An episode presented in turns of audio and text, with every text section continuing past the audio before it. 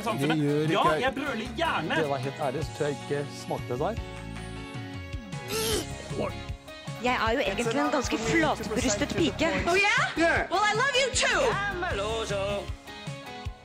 Det ser jo ut som en løgn. Kjersti, sånn snakker vi ikke. One small step for man. Ja, du hører på Gleden med TV-en, hvor vi ser på TV for deg, sånn at du slipper. Og foran meg på skjermen på datamaskinen min så sitter det fire, eller tre, eh, glade fyrer. Eh, Arild Ørnholt sitter eh, på Carl Berners plass i eh, Oslo. Hei. Hei, hei. Så du, et, jeg så du speil, speilbildet ditt, og så var det en som var sur? Og det var deg sjøl? Eh, ja, ja, for det er det sant, ja. Jeg er jo sånn Ja. Ja, du så fire stykker, og en av de var ikke glad. Og jeg tenkte Du så så sur ut når du sa det.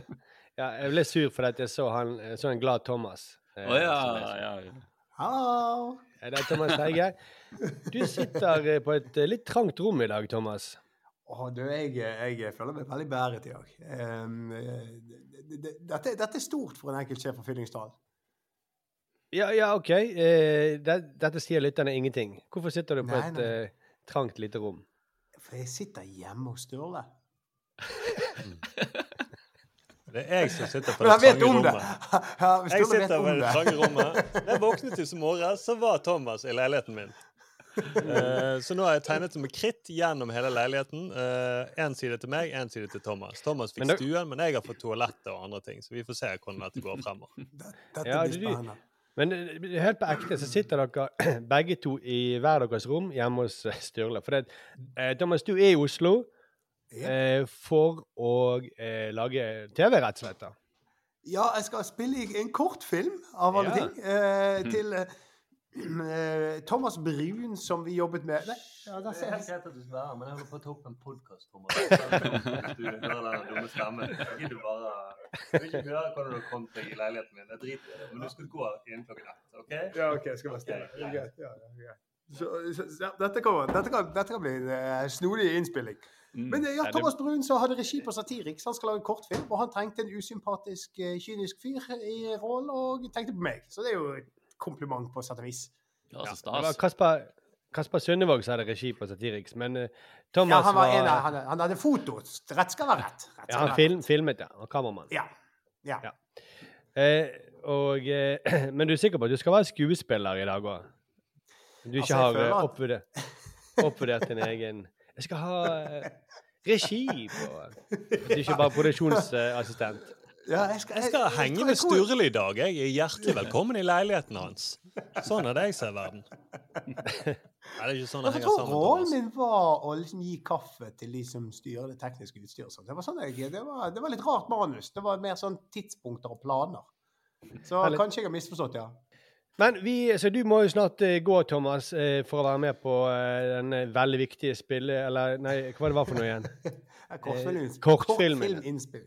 Ja, ja, ja. Men god øvelse for en, for en som meg. Thomas Teige, fra, kjent fra ja, Egentlig du mest kjent fra det der Ulstein-stuntet. Det er der alle Ja, ja, Du, du la- la- latet som det var minister Dag Inge Ulstein og Mm. og lurte. Sturle Vik Pedersen eh, fra 5080 Nyhetskanalen og mitt gamle nabolag i Bergen. Stø, eh, velkommen skal dere være. Vi skal altså da eh, gå gjennom vår TV-uke som vi pleier. Eh, og så har vi sett en ny episode av Offshore, for vi har startet på vårt eh, maratonprosjekt hvor vi skal se hele offshore fra begynnelsen. Vi har nå kommet til episode tre i sesong én. Ja, det har vi. Og vi skal også, en av oss har fått i oppdrag å se en, eh, ja, en eh, veldig folkelig, eh, et veldig folkelig program. Eh, Den som tapte trekningen, det var Arild, som har sett eh, eh, Hva det igjen? Truls, Truls Alle Hellstrøm. Bistro. Men vi har fått eh, tilbakemeldinger fra lytterne så vi må gå gjennom. Ja. Eh, først fra Jonas Digernes. Han reagerer veldig på eh, Arilds eh, Særlig Arilds Arild hadde sett 'Fiskerne' i forrige program. Ja. God serie. Skriver- Ja, ja, ja. Ja. Jonas Digernes skriver Hei som følger nummer fem på Facebook-siden deres. Vi har nå startet en Facebook-side. Eh, det er ikke så mange følgere der ennå. Eh, Jeg tenkte kanskje i og med at det ikke så, er så mange følgere, kanskje vi alle oss da skulle blitt fadder for en av følgerne? Og eh, ja, ja, få sette litt inn i hvordan denne Facebook-siden fungerer osv. Vi kan tenke litt på det. Ja. Kjempeidé, står det. Ja. Ja, det- nå er du god. Ja, men jeg som følger nummer fem på Facebook-siden deres føler jeg et visst ansvar for å komme med noen korreksjoner til siste episode. Det, det er bra. ja, det kan jeg sette pris på. Det, det er typisk sånn som følger med følger nummer fem. Det er akkurat som han er fadder for oss, på en måte. Mm. Ja, Jeg tenker sånn det er, ja. ja. Mm. Ok, En, Geir er født og bor på Stord. Altså Geir i den serien Arild snakket om fiskerne. Du sa at han var fra Sotra. Ja. Åh, ja. To, han har gått på uh, To, han har gått på fiskefagskolen i Austevoll, så han er ikke uten utdanning, som du sa. Mm. Nei. Men eh, høyere utdanning, da. Eller skikkelig Ja. utdanning, som jeg kan si. Mhm. Tre. Han la om dialekten til breiere dialekt da han gikk på skole. Antagelig pga. påvirkning fra andre elever fra Austevoll og Sotra. Jeg antar at det er årsaken til at Arild trodde han kom fra Sotra. Og så skriver han eh, Jeg vet ikke om jeg skal si slutten. Eh, ja, jeg gjør det. Eh, eh, takk, Ja, takk, for, takk for super podkast. Jeg er stor fan av alt dere gjør, eh, bortsett fra Teige Lydstudio. Du prøvde faktisk å være grei med Thomas. Jeg Du føler, hadde ikke lyst til å jeg, si det. føler, jeg, føler, jeg føler faktisk at den uh, Jeg tar ikke den uh, Jeg tar ikke, det, jeg tar ikke meg nær det. Jeg føler det er en ongoing joke der. For at jeg har faktisk hørt på det. Ja, det er en fin måte å ta det på. Kan jeg eh, forsvare meg, da? Eller skal, skal, jeg- skal jeg, eh, Ja, ja. som, som følger nummer eh, fire da, på Facebook-siden, eh, så, føler jeg at, så er jo jeg over han i rang, på en måte. Um, Ja, Han har jo helt rett. Men det er det jeg før- hørte når jeg fikk kritikk for å feil, feil Altså sagt feil eh, bosted til noen som ikke bor i Oslo. Så følte jeg meg veldig som at jeg eh, Jeg ble litt skamfull, for jeg følte at jeg faktisk har blitt en Oslo-borger. Så Ja. ikke, jeg bryr meg ikke om hvor folk kommer fra, jeg bare sier et eller annet tilfeldig sted på Vestlandet. Og så det, det Ja, tok ja. jeg til meg, og det, det, det satt litt, faktisk. Uh, så det, det, det må jeg jobbe med. Um, Så nå har du begynt å studere geografien på Vestlandet litt eh, nærmere? Ja. Altså, ja, ja. Jeg pugger med mamma. Når, når hun ringer meg, så tar jeg meg god tid til å gå gjennom uh, alle hun har møtt, og hvor de er fra, og hvilken dialekt de har, og sånn. Uh, Mm. Og synes, Ja. Knappetunnel, ja. Knappe... Ja, men jeg syns det er litt sånn suspekt det der at han sier at han la om til bredere dialekter. Er det han som har sendt melding til oss, han fra serien med under falskt navn? Han kunne veldig mye mye jeg om følte det var litt for men- personlig. Ja, det Men, var, det var men du litt vet, de, som, de som ikke er fra Oslo, vet du, de, de ikke alle kjenner jo hverandre, sant? Så Ja, ja. Jeg oppfatter, jeg, jeg ikke oppfatter Herregud, Arild, det er tull. Men jeg oppfatter jo han som veldig redelig, for han sier jo hva han liker av podkaster, da. Og hva han ikke Ja. liker. det er sant. Så jeg tenker dette er en fyr vi kan stole på. Og så angående andre, jeg tror jeg, jeg husker ikke helt hva jeg sa, men eh, jeg tror nok jeg mente mer sånn på generelt grunnlag, da. Fiskere er ikke det alle som har utdanning, og det er jo flere i denne serien som er relativt unge, som er for meg rett fra videregående til å begynne på fiskebåt. Han Geir, jeg er ikke overrasket om at han har utdanning eh, som fisker, for han virker litt for smart. Eh, han, Ja. virker veldig mye smartere enn fiskene, da, og det tror jeg er viktig. Eh, I motsetning til de andre på ja, det, er ikke alle som virker, men det, jeg skal ikke gå inn på det, da får jeg mer, eh, mer mailer. Eh, Vi har også fått en melding fra eh, Åsmund. Eh, han skriver at han har aldri sett en reklame for Britbox før, eller hørt om det i det hele tatt. Men et par dager etter at jeg begynte å høre på podkasten, så dukket denne opp. Regner med det er Thomas sin skyld. Og da er det reklame på uh, Instagram for Britbox. Eh, og så skriver han men veldig kjekt at noen endelig videreutvikler favorittboka mi. Hadde håpet på en film, men en podkast er bra, det òg. Og så har han bilde, tatt bilde av en bok som heter 'De tre og han som gjør galt verre'. Oi, oi, oi. Og noen flotte følgere vi har, da. Faen for Herregud. noe rævhål. Pass eh, språkbruken din, Thomas. Du gjør det bare verre. Ser du dette her? Og for øvrig så er det mange som. Det er mange som, eh, som har eh, Som også har sagt at de, i likhet med oss, er helt satt ut av The Rehearsal, som vi snakket om i forrige sending. Eh, Superterje sier han er 100 satt ut, og Imre Romstad han sier at uh, han så det etter at vi hadde snakket om det. da. Og det er faktisk uh, sykestue-TV-programmet jeg har sett. Uh, Ja. Må være syk, sykeste enn må det egentlig være. Mm. Ja. Kanskje han tenkte på Thomas når han skrev sykestue. Det du kan du sende inn melding, Imre, og bare hvis det er noe du føler at du må eh, klare opp i, så bare om det var det Thomas du tenkte på. Men, Eller han eh, som eh, ikke må nevnes, eller han som bare gjør det verre. Fortsett gjerne og eh, send inn eh, ting til oss på Følg oss på eh, Instagram.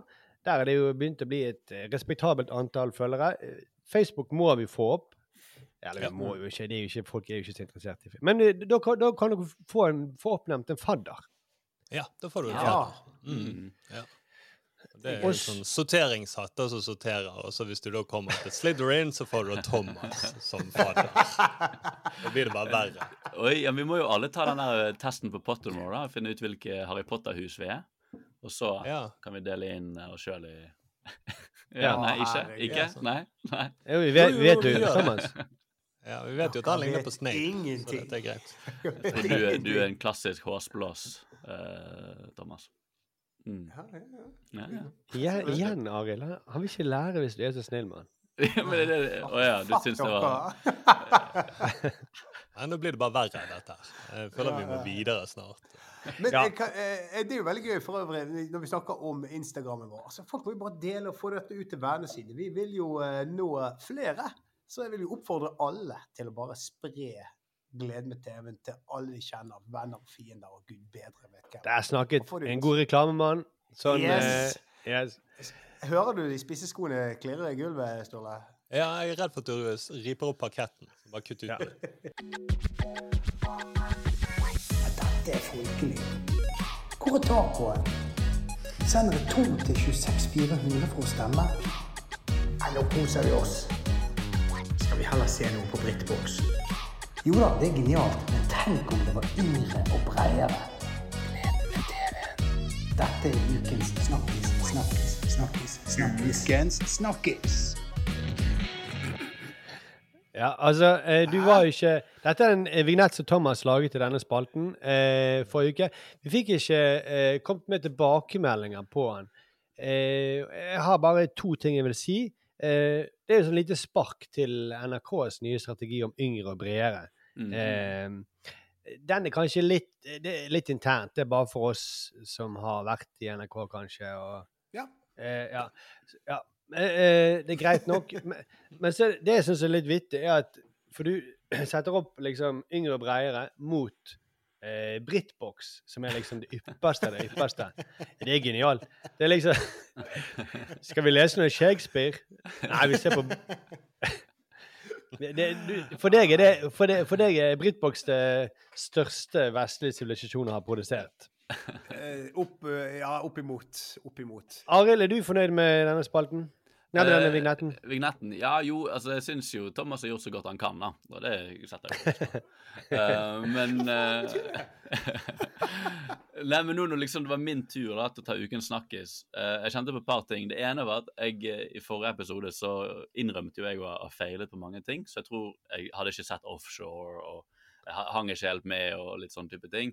Jeg kun, visste ikke hvor folk var fra i Bergen. Jeg hadde liksom slekket litt, da, føler jeg. Eh, så jeg fikk rett og slett sånn behov som jeg fikk på skolen uh, når du fikk hjemmelekser, at jeg må overkompensere litt. Ja. Eh, Så jeg har rett og slett lagd eh, jeg har et forslag da, til en ny jingle til Oi. Uken snakkes. Um, ikke, og jeg har ikke blitt bedt om det engang. Det er sånn vi som skal slikke rumpe til lærerne gjør. Vi bare, når vi Ja. ikke blir bedt om ting, så bare gjør vi det. Det liker programlederen. programlederen Ja, ja, ja, ja.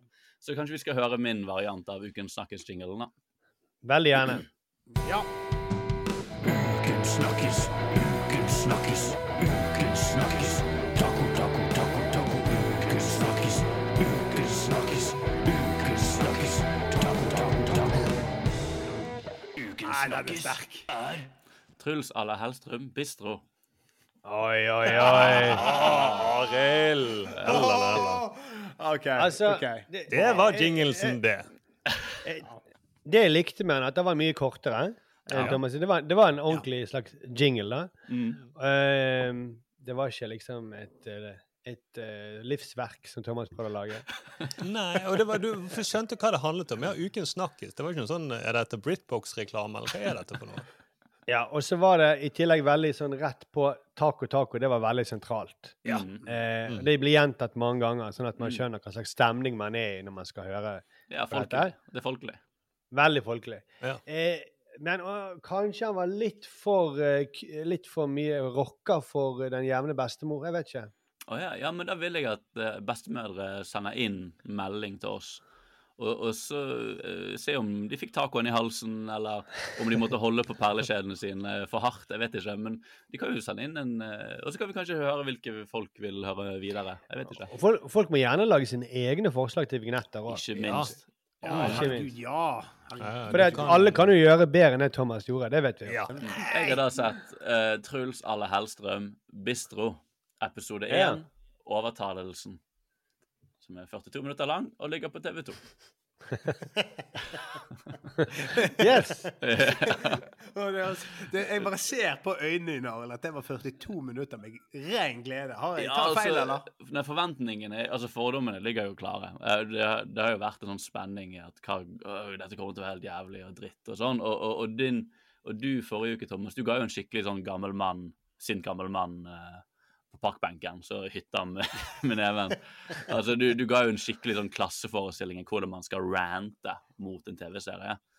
Um, jeg tror problemet her er at de som har lagd denne programmet, som er da Plan B, som er produksjonsselskapet til uh, Harald og Thomas og Harald og Truls Svendsen, eh, er jo at eh, de er såpass rutinerte TV-folk at de lager liksom ikke noe som bare er blankt ut. Sånn som med, Ukens bestevenn, som framstår som et premiss som er underkokt, og de ikke helt vet hva de vil lage, og de bare må finne ut av det på veien.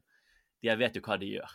Så det er veldig sånn Det er jo hånd, det der grunnleggende TV-håndverket er jo på plass. Um, Og du skjønner, kan jeg bare gjette, for du, når du sa at den første episoden het Overtalelsen Jeg skjønner jo veldig godt OK, det er en av de som ikke vil starte en eh, bistro, og Ja. som må overtales. Og det er vel sikkert Hellstrøm, da. Ja, ikke sant. Og, og det, det, der har du det. Der går du rett inn i det. For dette, du, du ser jo hvor det går. Uh, dette er jo veldig påtatt og, og skrevet, da. På det verste så er det veldig påtatt og skrevet. Og sjangeren er jo humor, reality, matreise, kjendis, Helan og Halland, uh, kokkeprogram, da. En Eller klassiker. Heland Heland. Heland. Ja, kanskje litt. Um, vi kan jo, jeg har jo et lydklipp der. Jeg kan jo tenke jo Truls kan få lov til å forklare premisset sjøl i det første lydklippet jeg har tatt med. Nå er det jo sånn at jeg har jo fått drømmen min oppfylt, altså til de grader. Jeg har fått eh, lov å reise verden rundt med norgeshistoriens fremste kokk. Men nå har jeg fått en idé. Altså, Eivind har jo sagt, jeg vet ikke hvor mange ganger, han skal aldri, aldri, aldri i livet åpne restaurant igjen etter at han holdt på med bagatell. Han er ferdig med det opplegget. Jeg er uenig. Altså, Norge må få oppleve Eivind Hellstrøm igjen.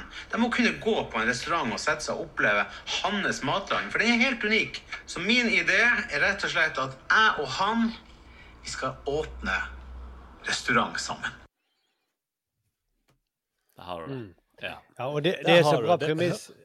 Premisset Han har sagt 'jeg skal aldri, aldri gjøre det igjen'. Mm. 'Jeg skal aldri, aldri drive med karate igjen'. Nei, men så blir han dratt tilbake.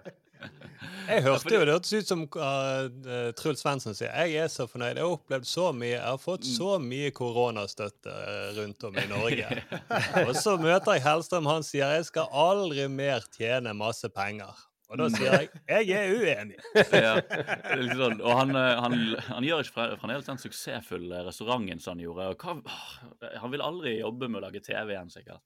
Fordi, det er jo liksom eh, Det er jo det Hellstrøm gjør nå. Han lager jo TV. Du kan jo ikke være overrasket over at han vil være med å lage TV. Eh, Det, det er for øvrig lesten som veldig mye TV lages eh, rundt nå. Det er eh, folk som ikke vil gjøre noe, som blir lat, eller later som de ikke vil gjøre noe, og så Mm. blir eh, presset til å gjøre ting, da. Ja. Det liksom, jeg tror om, om 20 år så kommer sikkert det til å se kjempedumt ut. Hvorfor gjorde alle disse folkene ting de ikke likte å gjøre? Folk ville jo ikke være på TV, altså tvang dere de til å være på TV? Så så satt folk som sånne sadister og så på. Det er litt, sikkert samme feeling vi får når vi leser om at folk gikk på sånn, så på henging eh, offentlig. Ja, og hvordan og sånn. sammenligning, da. Ja, ja, ja. De forfalte på TV og, og ble gjort narr av til spott og spe av oss mot sin vilje. Um, ja, fordi altså Og det, jeg må jo si at helt i begynnelsen jeg så dette, så syns jo egentlig det var en ting han sa der som jeg syns faktisk var interessant. da, Og det er jo det at han Eivind Hellstrøm eh, hadde denne luksusrestauranten, og så har han bare gitt opp på restaurantyrket. Det visste ikke jeg, da. At han har lagt det At han aldri vil gjøre det igjen. Um, og, for han gikk jo fra å drive den luksusrestauranten og Michelin-restauranten Bagatell i 27 år. Og siden da har han jo bare drevet uh, reality-TV-konsept. Uh, hvor han liksom er oppredd som en sånn påtvunget Gordon Ramsay. Eh, Hvor liksom Gordon Ramsay er veldig sinna og fyrig. Så er Hellstrøm sånn snurpete og irritert. Som er liksom en, en annen tolkning av den eh, karakteren. Eh, Men han har gjort Jeg bare så alle programmene han hadde gjort. Han har gjort Hellstrøm rydder opp, Hellstrøm inviterer, Hellstrøm kjøkken og Truls alle Hellstrøm. Hvor han da reiser rundt jorden rundt med Truls Hansen og lærte han å lage mat. Um, og da har du Bistro, da, det som de har kommet til nå. Uh, hvor du har dette Det som faktisk i mitt hode er et halvt interessant konsept, som er en som drev med Sånn som du sa, Markus. Dette er jo interessant. En som drev med noe før, blir tvunget tilbake igjen inn i bransjen og skal gjøre det på nytt igjen. Det er jo egentlig ganske interessant. Uh, og du har jo Eivind Helsrud. Man glemmer jo at han faktisk er, eller har vært, en av verdens beste kokker. Så og hvis man er matinteressert og du er nysgjerrig på hvordan bransjen fungerer, så har jo egentlig han ganske mye å komme med. Um, men så har jo den andre halvparten, som er påtvunget kjendisprogram. og det ødelegger jo for den første halvparten, hvor du føler Du får sånne gnist av at Eivind Hellstrøm liksom er inne på noe. Det er en scene hvor han, um, han uh, ser på sånne sjeler. De er i Paris og, og gjør research, og så ser han på noen sjeler. Og han blir så lidenskapelig av disse sjelene. Og dette er jo helt, Du skjønner at ikke dette er noe som er skrevet, eller de vil at han skal drive og preike om. Men han blir skikkelig opptatt av å snakke om hvor store sjeler han har hjemme. Og da får du sånn gnist av at her er det jo noe, egentlig. Han har jo lidenskap, liksom. Og, og Truls er jo bare narr av han for at han syns det er så gøy. Men da kjenner du at å, der er det jo noe. Men så i nest, innen de neste fem minuttene så sitter de på hun her kjendisterapeuten Katrin Sagen sitt rom og er i parterapi. Sånn påtvunget parterapi hvor de to skal liksom bli venner og finne ut hvorfor de ikke vil jobbe sammen og sånn. Som er så påtatt, og du skjønner Eivind Hellstrøm ikke har lyst til å være med på det, liksom. Fordi premisset i første episoden er at han, eh, Truls har lyst til å han har lyst til å overtale han da, så han eh, først reiser litt til Paris, eh, hvor de skal minne ham på lidenskapen sin, og henger rundt på gamle restauranter og sånn, som han eh, kjenner til fra før. Og så kommer de hjem, og da er det parterapi med kjendisterapeuten, Katrin Sagen. Og så finner de et gammelt og, og han har sagt at han aldri, aldri skal i terapi. Har ikke han igjen? jo, det, ikke minst. Han, han blir pushet på det, og de sier jo Det går jo igjen hele tiden. Nei, dette vil jeg ikke. Nei, det går, det går ikke. Det er den her eh, formelen hele tiden. Og da kan du tro hvordan han reagerer når de skal finne et gammelt lokale, og Truls har invitert eh, kjendisheksen Lilly Bendris til å kvitte lokalet med gamle ånder. Oi, oi, oi. Ja, ja, ja. Nei, det sa han han aldri skulle være med på igjen. og så er episoden over, da. Det var første episode. Da gikk jeg gjennom alt som skjedde i første episode. Um, og det som skjedde da, eh, men uh, Det er to ting jeg bare må få. Det ene er humoren til Truls Svendsen. Som liksom På en måte det jo, men så skjønte jeg hvorfor det er fordi han har påtatt seg sånn humorpersonligheten til en person man ikke vet om er full. Ja. Og det er for så vidt gøy ting av og til. Det kan også bli veldig Ja. mye. Men Når han kjører bil, da, eller? ja. men Du får aldri se han kjøre bil. Han er alltid, det passasjer. alltid Eivind som kjører bil. uh, men, For det kunne ikke han løse trafikken. Jeg tror ikke det hadde vært bra. Nei, men ha et lydklipp. Dette er uklippet lydklipp av de to. Og bare tenk over sånn Kanskje Truls uh, ja, er litt full, da. Det er ganske mye da som skal til. Er det egentlig det? Du kommer til å kjenne det på kroppen. Slutt.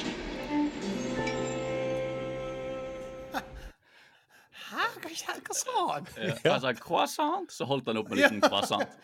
Ja. Okay. Jeg bare, Ja, jeg det. Det var helt uklippet. Jeg har ikke gjort noe redigering i det klippet, bare så det er sagt. Men jeg kan legge ut sånn bilde på eh, For det, det sendte du meg, eh, Arild. Det der Ja. bildet av eh, plakaten. For det er lenge siden. Ja. Eh, og da ser han eh, Truls Svendsen ut som han eh, har, han har veldig sånn rødvinsnese på den reklameplakaten ja, programmet.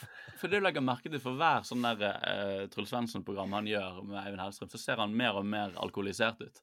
Jeg tror ikke det er bra for han å være med i disse programmene. Og han, det er det som har skjedd når du, liksom, du har levd livet, han har opplevd alt han vil, så går han til flasken, liksom.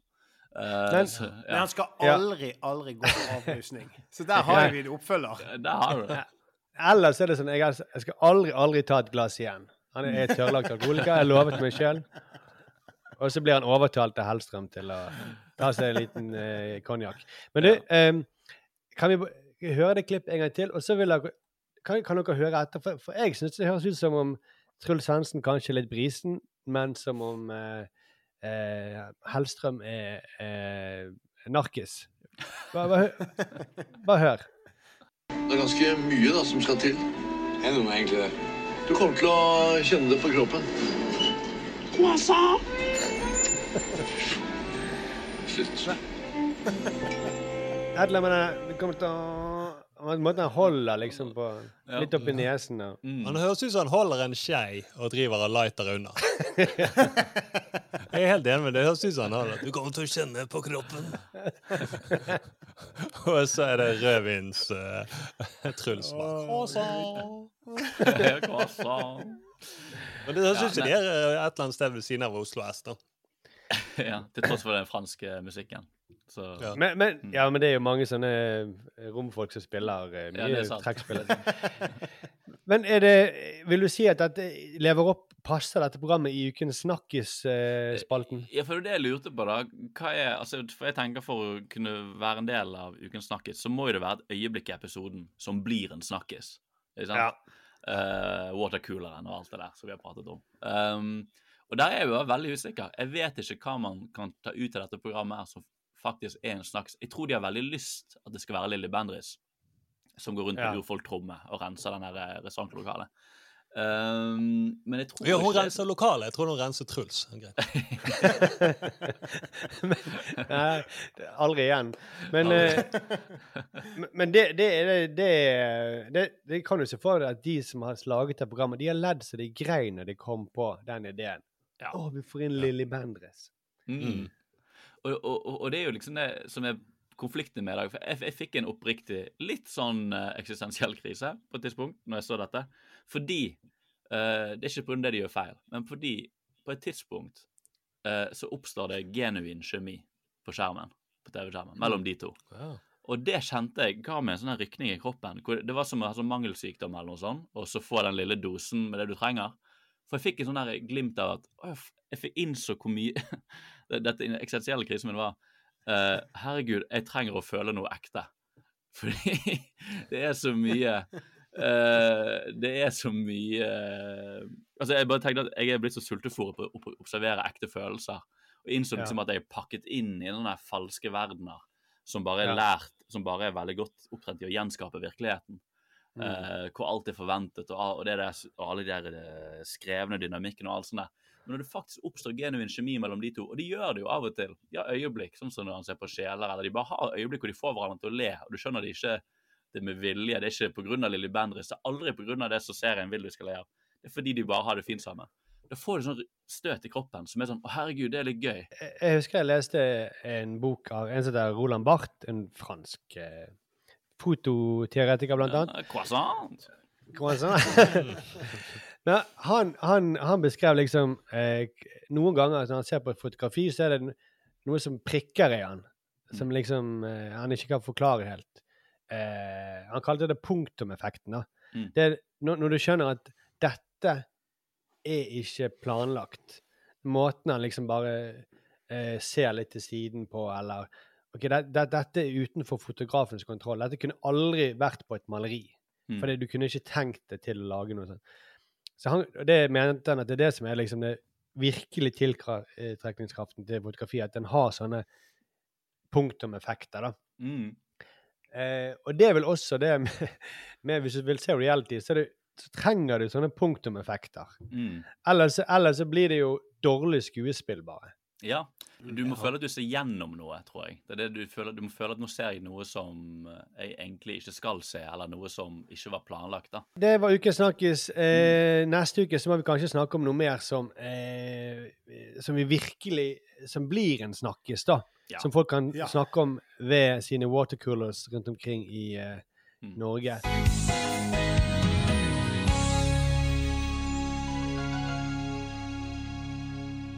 Men Sturle, du har noe du vil si eh, før vi går i gang med å snakke om eh, alt eh, som eh, vi skal snakke om denne uken her. Ja, jeg bare irritert meg. Kanskje flere som har irritert seg over han eh, Mathias Nordmann. Han er Ja. fotballspilleren som valgte å spille for den russiske klubben Dinamo Moskva. Mm. Som man da gjør da, hvis man ikke har fulgt med på nyhetene på syv måneder. Ærlig sak. Og som en del av den lanseringen at Nordmann skal bli spiller, da, så har klubben laget en reklame. Eh, så jeg skulle sagt det var veldig cheesy reklame, men det er en veldig russisk, nyrik reklame. Mm. Og Den er ganske Tinder-inspirert. Det er en kvinne da som sitter og sveiper på mobilen. Så Hun ser da et bilde av Mathias Nordmann, og så trykker hun hjerte. Eller jeg vet ikke om det er hjerte eller kanskje sett. Jeg vet ikke helt, men iallfall uh, Og så slutter den reklamen. Men begynnelsen av reklamen så er Nordmann med i reklamen. Og den er jo på russisk, da, så det er kanskje litt vanskelig for folk å skjønne hva som blir sagt. Eh, men jeg tenkte vi kunne bare spille det veldig kort ut. Og da tenkte jeg at eh, det er naturlig at eh, den av oss som ikke har noe moral og ville ha jobbet i Russland for penger, og som ser mest ut som Mathias Nordmann, en sånn slask sleik eh, Thomas Teige han kan nå lese Nordmanns replikk. Altså etter at vi har hørt den russiske stemme. Så da, nå sender jeg deg på SMS, Thomas. Nå får du replikken. Du må ikke lese den ennå, sant? Du må høre den russiske replikken hans først. Ja. Og så er det veldig viktig at du spiller bedre enn Teiges lydstudio. sant? Selv om eh, betalingen er omtrent den samme fra oss. Så uansett så er det veldig fint hvis du da spiller bedre, Thomas. OK. Ok. okay. All right, Har du fått den, eh, Thomas? Uh, ja, jeg har fått den Ja. her. Dette er litt, på en måte litt en start til deg, du som skal være med i sånn kortfilm. Ja, Ja, oppvarming. Ja, veldig fin okay. oppvarming. All right. har vi det Så eh, scenen, reklamen starter da med at vi ser tre pene russiske kvinner som ser på mobilen mens de sitter på en eh, tom fotballtribune. Inn fra høyre så kommer Mathias Nordmann gående mot kvinnene. Og han går på en litt sånn her kjekkas-måte, litt sånn som reklamefolk eh, gjør når de er på vei til prisutdeling. Denne attituden 'alle elsker meg og mitt talent'? Og så sier da Nordmann til noen av kvinnene Vi hører begynnelsen, så må du eh, Thomas, komme inn med din eh, stemme. ok?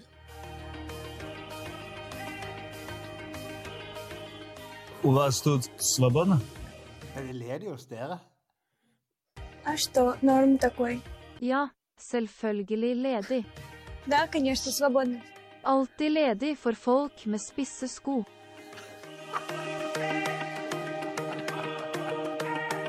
Der, Thomas! Bra! Sånn er den cheesy reklamen. Eh, så vi skal legge ut på Facebook kan vi legge ut et bilde av Nordmann og Thomas, så skal dere se hvor uh, like de er. Ja, men altså, nå, nå er det veldig mye Det, er mye, eh, det har vært mye på deg, Thomas, nå, denne åpningen. Ja. Men det er bare fordi at vi er misunnelige. Eh, Vi, Vi er veldig misunnelige. også misunnelige. ønske at vi jobbet i reklamebransjen. Ja, har laget Teige lydstudio. Men det, og det, når vi snakker om moralen din, Thomas, så er jeg jævla skuffet for deg. For det, du var jo ikke med i forrige sending.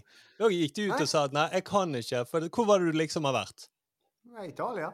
Ja, Det er bare løgn, for det, det vet vi alle. Vi hørte på opptaket, da hørte vi at det var sånn romklang. Du satt jo inne på badet og spilte inn. Hvis du hør forrige episode, så hører du romklangen. Du kan også til og med høre sønnen stå utenfor og roper etter melk. Og Grunnen til at jeg vet dette, Thomas, er fordi at jeg hørte deg på radio, din lille løk. Du, jeg, ja, jeg hørte deg på P3 i forrige uke, i programmet Studio P3. Da du hadde en times Ja, du hadde det. En times sending sammen med hun programlederen Arian. Vi kan bare høre litt. Grann. Skal du høre, Thomas?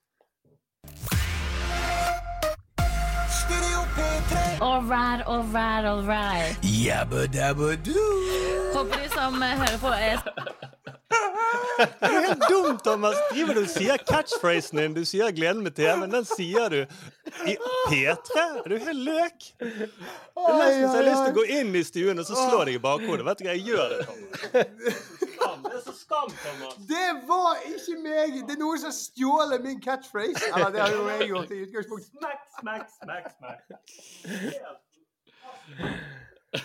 Åh, For en Åh, det der jeg hører Det der jeg hører andre si det. Når jeg hører andre si det, da hører jeg hvor jævla teit det er. Skal vi høre det en gang til? Skal du høre hvor dum du høres ut, Thomas? Nei, Jo. Thomas er i Italia. All right, all right, all right. Jabba dabba doo. Håper de som hører på, er Det er så gale, Thomas. Det, der er, det er skandale. Det er, jeg, jeg, jeg, jeg beklager på det sterkeste jeg noen gang har sagt. Jabba dabba. Ja. Det er okay. så skuffende. Sturle, Sturle er sassy i dag, altså. Ja, ja, det, er, Så det skjer noe når du våkner. Ja, jeg skal bare si Det skjer noe når du våkner og ser Thomas i leiligheten din. Da blir man litt sånn her eh, Jeg har jo drukket kaffe, så det kan ikke være det, men jeg merker at det er litt sånn irritabel nå. Jeg tenker å våkne til uh, Våkne til jabba dabba doo. Jeg hørte noe sånn klikk-klakk i gangen. Så hva er det som skjer? Hva er det? Så går han så står han her med de spisse skoene. Halla igjen! Kom nettopp fra Italia! Nei, det er så skandale, Thomas. Faktisk. Jabba dabba dutti, som de sier i Italia. Jabba dabba doo. Jabba dabba. Thomas i Milano, vet du.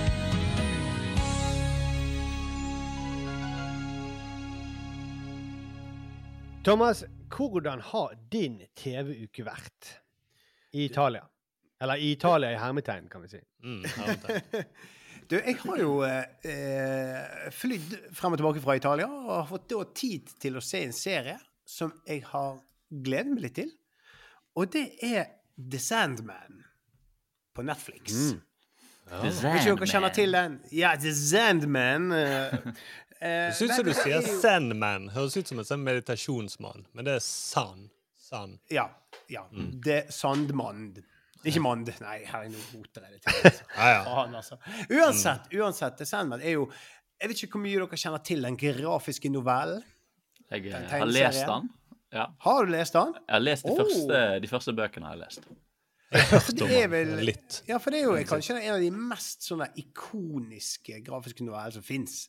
Eh, og han er blitt forsøkt filmatisert siden 1991. Har de prøvd å klare å fange dette store universet på film, men de har aldri blitt fornøyd med manus helt til nå Netflix kjøpte det som en TV-serie, og nå har de da publisert det. Og bare for å gi en sånn kort oppsummering hva det handler om, da, så handler det om da hovedkarakteren er drøm. Altså han er eh, drømmenes konge. Og, eh, og han, har liksom, han er på en måte en menneskelig versjon av den egenskapen drøm. Og jeg eh, er den som styrer det for menneskene. Veldig kort og forenklet forklart. Og så må jeg si at etter å ha sett de første episodene, så skjønner jeg virkelig, virkelig hvorfor dette her er, er, har vært vanskelig å filmatisere. Og hvorfor man har ønsket å filmatisere det. For det, det er rett og slett helt innimellom det, det, er, det er nesten sånn sjelsettende bra. Noen av de storylinesene som eh, kommer, sitter seg sånn dypt inn i magen. Det, det, rører deg. Det, noe, det, er sånn- det sier noe om det å være menneske på et sånt dypt nivå som virkelig, virkelig treffer. Virkelig på en vond måte, nesten, innimellom. Det er noen scener der som er sånn Herregud, dette her er Dette er det, det er sykt at det får meg til å føle de følelsene det gjør. Både med håp Ja. og fortvilelse. Det, det, det er virkelig Er det sånn at du liksom begynner å tenke over livet ditt på nytt? At du kanskje vurderer å hoppe av reklamebransjen? At eh, hva gjør jeg med livet mitt? Ja. eh? Nei, men, men Lage en bedre jingle. Eller. Eh, Nei, men det er, men det, er, det, det, det er virkelig sånn Det treffer på så mange måter, da. Men det er et enormt men her, for min del, personlig. Og jeg føler meg nesten ond for å si det. Men jeg syns han hovedkarakteren ser så teit ut. Og det irriterer meg, og det ødelegger serien. Han, han, han, altså, fordi han ser liksom ut som han eh, Fordi han skulle liksom være sånn mørk og mystisk, men han ser mer og mer altså, jeg, jeg ser nesten bare sånn parodisk eh, goter. Uh, med, han, jeg syns han ligner litt på han der vokalisten i The Cure. Han, Mm. Robert Smith, med det Mm. håret og eh, sånn eh, Veldig bleik og alt mulig sånt. Og så snakker han så dramatisk. og så Akkurat han skyver kjeven sin så mye fram At det blir litt sånn Jeg, jeg klarer liksom ikke å se forbi det. Jeg, jeg, han kunne liksom vært kul, mørk og mystisk, men jeg syns bare det, som, det ser ut som det liksom nummeret før han bryter ut i sånn himlåt. Sånn Baby, Ja, ja. join me in death Altså, det er liksom en sånn derre Jeg syns Vent, vent litt. Thomas. Det er, noen, det er noen i leiligheten som synger så stygt. Men, men, men det er bare så Jeg syns det er Jeg syns oppriktig Jeg føler meg jeg, For jeg liker det så godt, men jeg syns det er parodisk hvordan han ser ut. For jeg ødelegger det alt. For dette, Ja. Eh, det, det, det er bare For det er så jækla bra mye av det. Og det er nesten sånn Det er teit å si det, kanskje, og det er kanskje noen som vil mene dette i, sånn, i forhold til fantasy, som syns jeg er helt ute, men det har nesten noen sånn her Harry Potter-ish i sånn storheten i Mm. universet. Ja. Og så er det, men så er det bare mye, mye mer dønn på det å være menneske. Og, det, og så er det bare en sånn tullete hovedkarakter. Jeg Han ser jo litt se emo ut. Jeg har sett bilder av henne. Han ser så sykt emo ut, og han Ja. spiller emo. Og jeg synes bare det er sånn Hvorfor? Det, du er jo på Du er liksom uh, blitt tatt av det tegneserie til filmproblemet, som var veldig lenge. Ja. Uh, som var Hva skal vi gjøre med disse kostymene? Fordi Ja. i, i begynnelsen, i sånn i tidlig 2000-tallet, når de lagde liksom det som var starten på de moderne uh, film, sånn uh, superheltfilmer, sånn, så redesignet de jo alltid kostyme. De var så Ja. livredde for å bruke de faktiske kostymene fra tegneseriene, så de måtte finne tolkninger som gjorde seg bedre på film, eller som allmennheten ville forstå. Så den mest Ja. sånn, I starten her var jo X-Men. De går med sånn skikkelig gule, glorete kostymer med ører og kapper og alt mulig rart. Når de lagde film, så var det bare svarte skinndrakter. That's it, liksom. Ja. Uh, og nå er vi i en tid hvor man Den der oversettelsen fra tegneserie til film er én til én. Og det virker som Ja. de bare tror også nesten det var sånn grunnlaget for at han Neil Gaiman, da, som har lagd tegneseriene, eller romanene, uh, at han ville gjøre det, var at vi skal gjøre det så likt tegneseriene mine som mulig. Ja. Uh, også, men da blir du minnet på at ja, det var en tid hvor det å være goth var jævlig rått. liksom, Noen Ja, syntes det var skikkelig ja. kult. Men det var, for det ble jo lagd eh, midten av 90-tallet, tror jeg. Uh, Ja, det var vel eh, helt eh, Serien originalt begynner vel i 1989. Ja. Så jeg tror- det er laget eh, rundt der, faktisk. Mm. Så, og det var jo litt sånn, ja Jeg får liksom nesten bilder til sånn den overgangen til når Matrix ble populært, og gothene begynte å kle seg ut som at de var med i Matrix, og litt uh, den greien der. Nei, nei, men, det, men det er jo et sånn, litt sånn generelt eh, problem som mange har med å, ø, å leve seg inn i fantasy, da. Mm. For eksempel Ja, eh, me- meg. At det er sånne ting som gjerne stopper det. At jeg ser jo det er jo eller fett. Og det er, jo- altså, jeg eh, husker jeg så Sin City.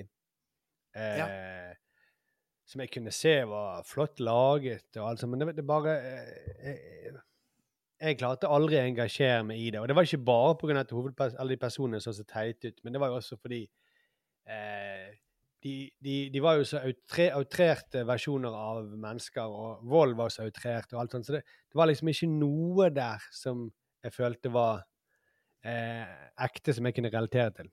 Mm. Nei, de skrur det til opp et par hakk, da. Ja. Ja, på alle nivåer.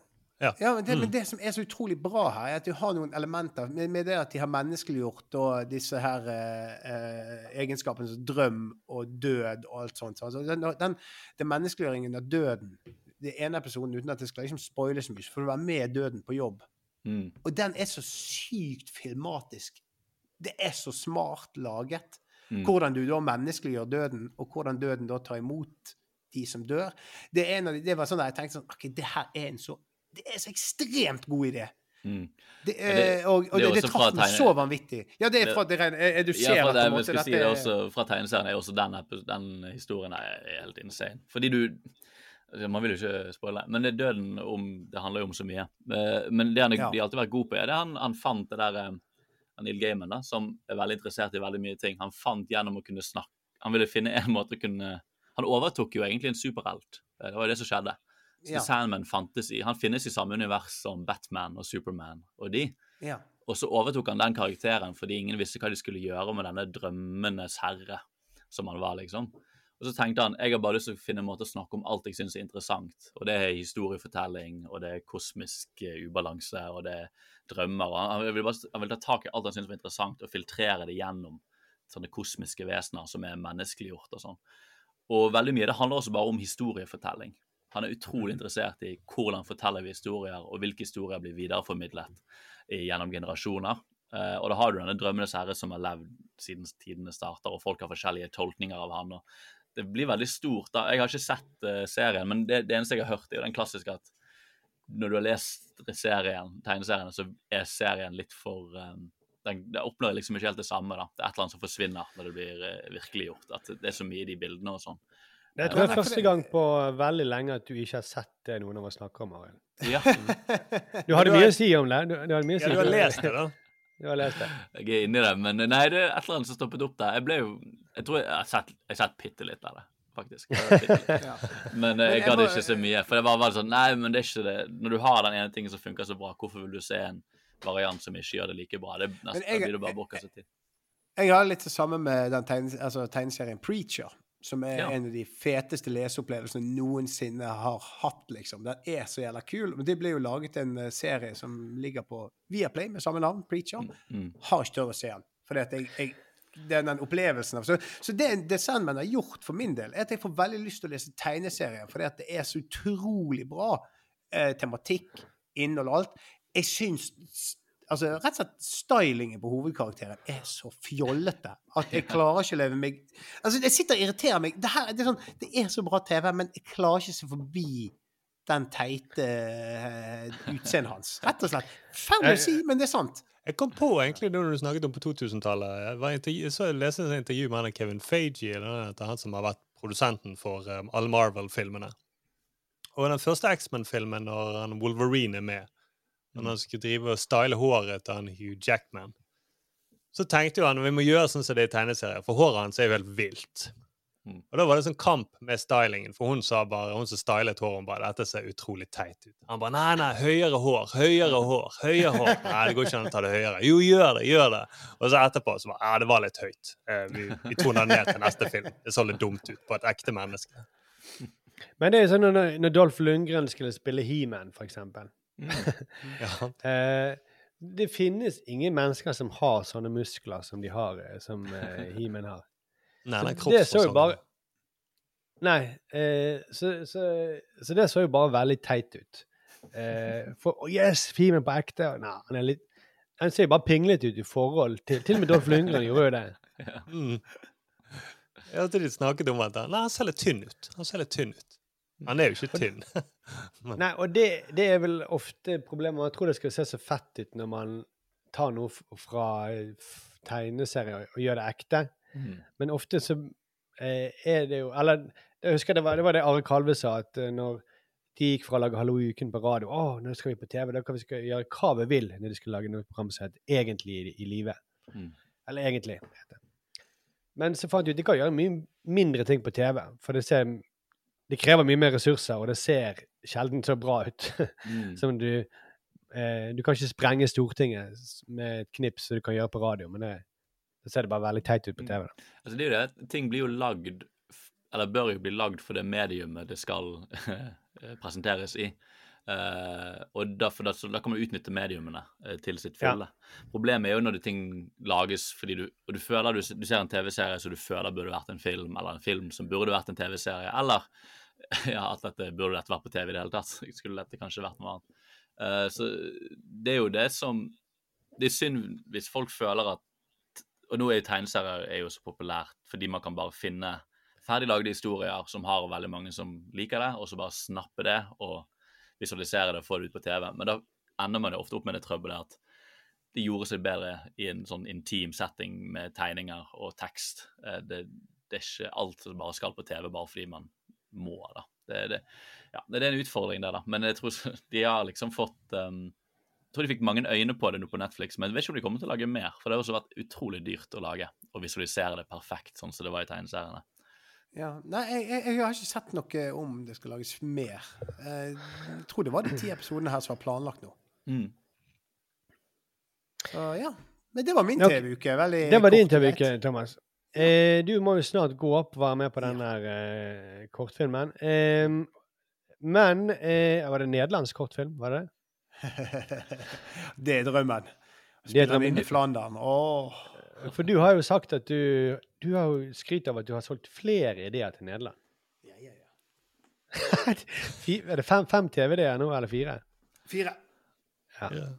Bare holde, med holde Filmatisering av Teige lydstudio. Det er, Det er for dyrt.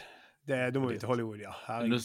du, vi skal følge med hvis det er en sitcom i Nederland som handler om en fyr som flytter inn hos eh, kompisen sin og bor på kjøkkenet hans. Spiller en podcast.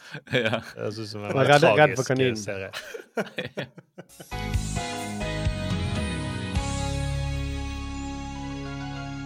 eh, der gikk Thomas. Eh, men altså, min TV-uke er jo da eh, veldig preget av at i eh, sesong fem av Cobra Kai ble eh, sluppet. Og dette er jo en serie som vi har, i hvert fall jeg, har snakket mye om på denne podkasten.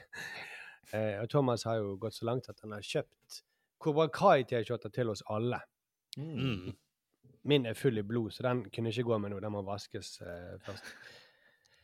Men dette her, altså for de som ikke kjenner til det Dette begynte jo som en serie om Johnny Lawrence, altså antagonisten eh, i Karate Kid-filmene. Han skurken der. Han er plutselig blitt protagonist, altså hovedpersonen. Eh, vi møter han 30 år senere.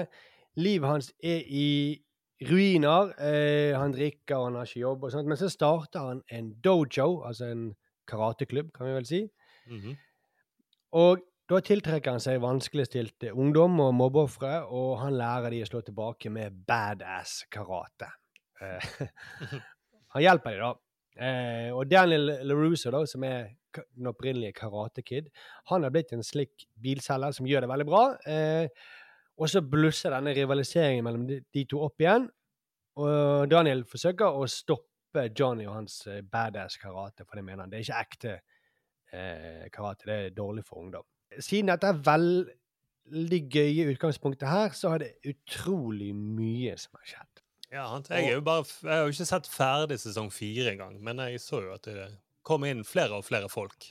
Veldig mye. Og spoiler, Sturle. Eh, Nå kanskje må du må holde det for ørene litt. Men i sesong fem så eh, er altså eh, Miyagi-Do, Miyagi-Do, som de sier, eh, som er da eh, den eh, dojoen til eh, Karate Kid, den er nedlagt. Og også Eagle Fang sin eh, karateklubb er nedlagt. Det er da Johnny Lawrence sin nye karateklubb. da.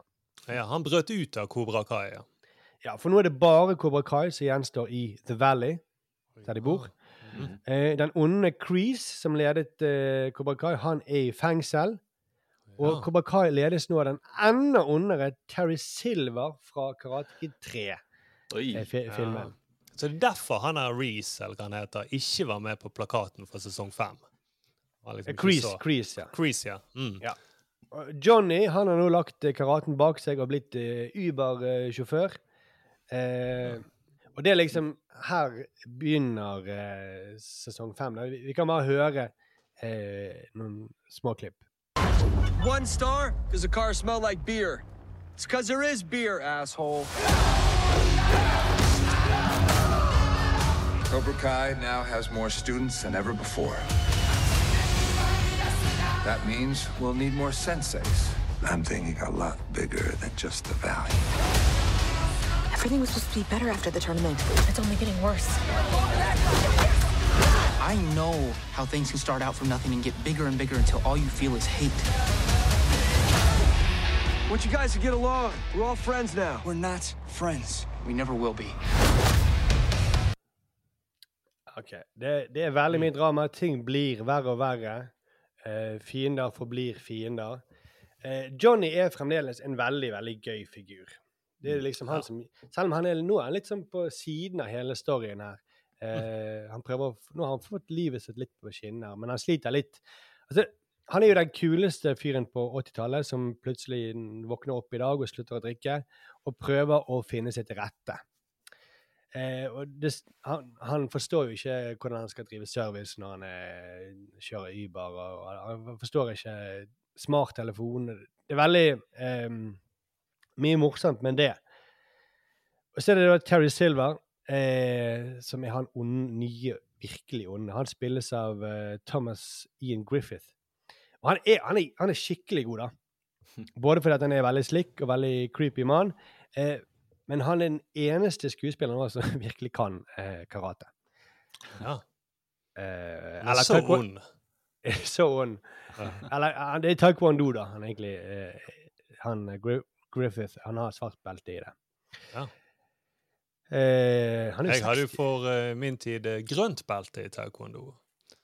Ja, men det er ikke for seint. Nei, nei, grønt belte får du når du klarer å knyte drakten din rett. Det var, liksom det. det var det nivået jeg var på. Ja. Gult belte er bare for å dukke opp? Er det sånn det er? Ja. Mm, uten foreldre. Men han er, han er 60 år, da. Ja. Han skuespilleren. Og han eh, Ja, ja. tar jo eh, skikkelig karatespark. eh. Altså sånn så, og, eh, og han har sølvgrått hår i en he vakker hestehale. Så han er Jeg skal få liksom meg hestehale. Ja. Jeg tror du, tror du om, når du er 60 år, så ser jeg for meg deg med hestehale og eh, i dojoen din. Mm, hestehale parykk, vel å merke. Jeg tror jeg mister alt håret innen den tid. Eh, Sølvgrå parykk skal kjøpes på 60-årsdagen min.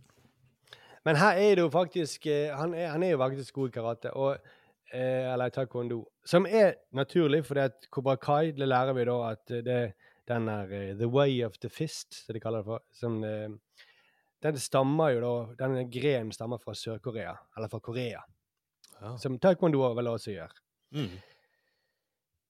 Men vi har snakket mye om serier som da forsvinner inn i sitt eget rumpehull. Eh, og det er vel Kan vi vel si om denne serien her nå. For det, fra det der veldig gøy utgangspunktet så har det blitt en latinamerikansk eh, såpeopera. Det er sykt mye drama, følelser frem og tilbake.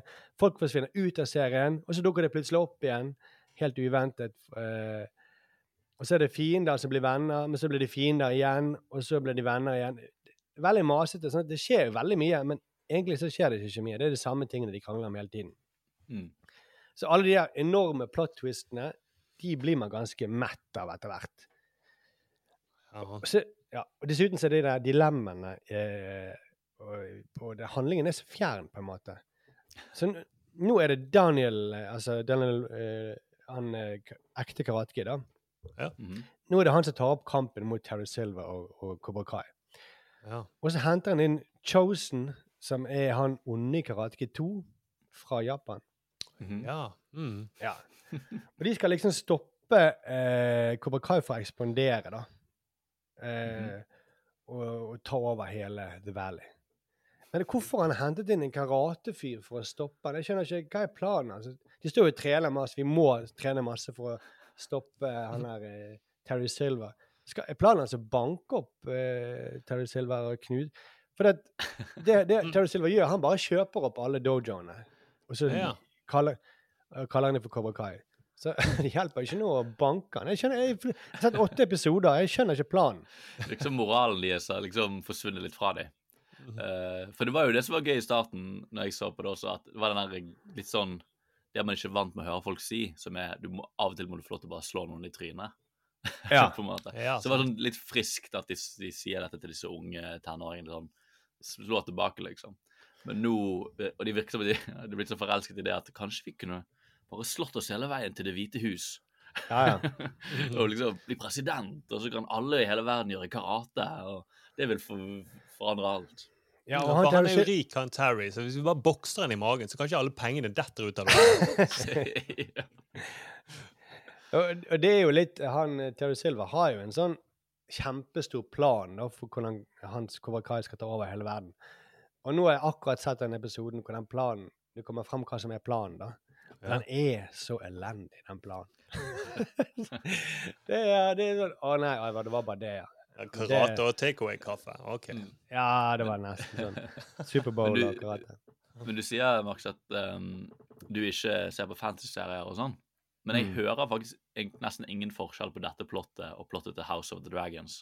Nei, nei. Oppfølgeren til Game of Thrones. Det er virkelig, det er bare intriger og inn og ut med nye skurker og den som sterkest vinner, og konspirerer litt i bakgrunnen. Og, Og, men, men, nå, men nå er det så mye Men når det var liksom, i begynnelsen var det et slags sånn dilemma som du kunne på en måte relatere til. Han er stakkar fyren som, som eh, starter en dojo, og så som du sier, sier til ungdom de kan slå folk i trynet. Men nå er det dilemmaene så eh, de, de, de, det, det, ligner ikke på noen ting. Vi skal stoppe, vi skal, skal eh, slå ned eh, en eller annen rik fyr som holder på å lage franchise av eller Jeg skjønner ikke. Det, det er ikke noe relaterbart for meg i det hele tatt.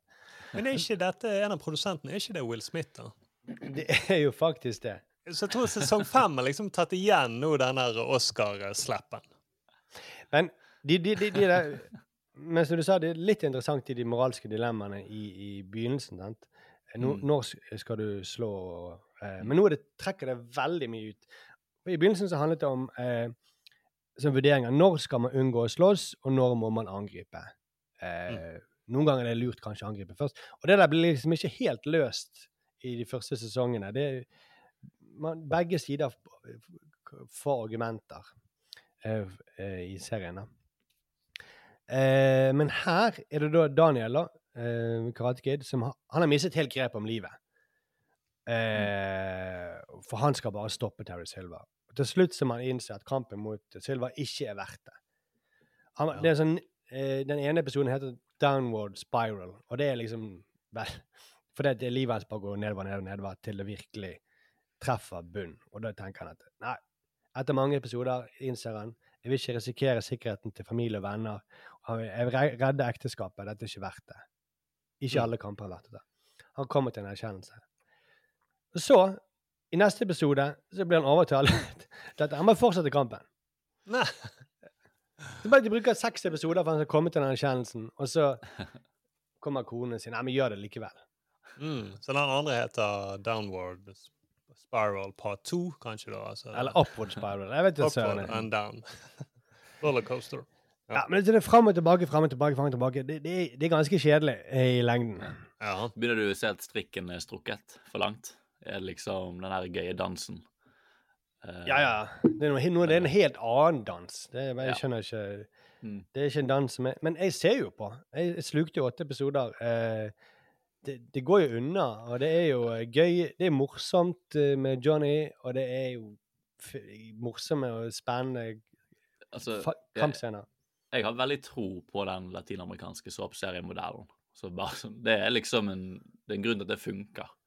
Eh, Ja. Det var en gang jeg var Mm. syk og hadde influensa og gikk ned i et YouTube-hull hvor jeg så på latinske såp, uh, telenovelas. Og det funker jo, du trenger ikke forstå språket engang. No, Fordi du nei. forstår bare ja, men han må jo de ta, og nei, prøver han å drepe hun? Og nei, nå må de stoppe han. Og du har jo vært litt syk i det siste år, har ikke du det, Markus? Jo, jo. Ja, så jeg, kan jeg, det forklare det. Ja, det kan godt være det. Men Mm. jeg er jo også Jeg har jo blitt investert i disse etter alle timene jeg har sett, sånn at det koster meg ikke så mye å se det.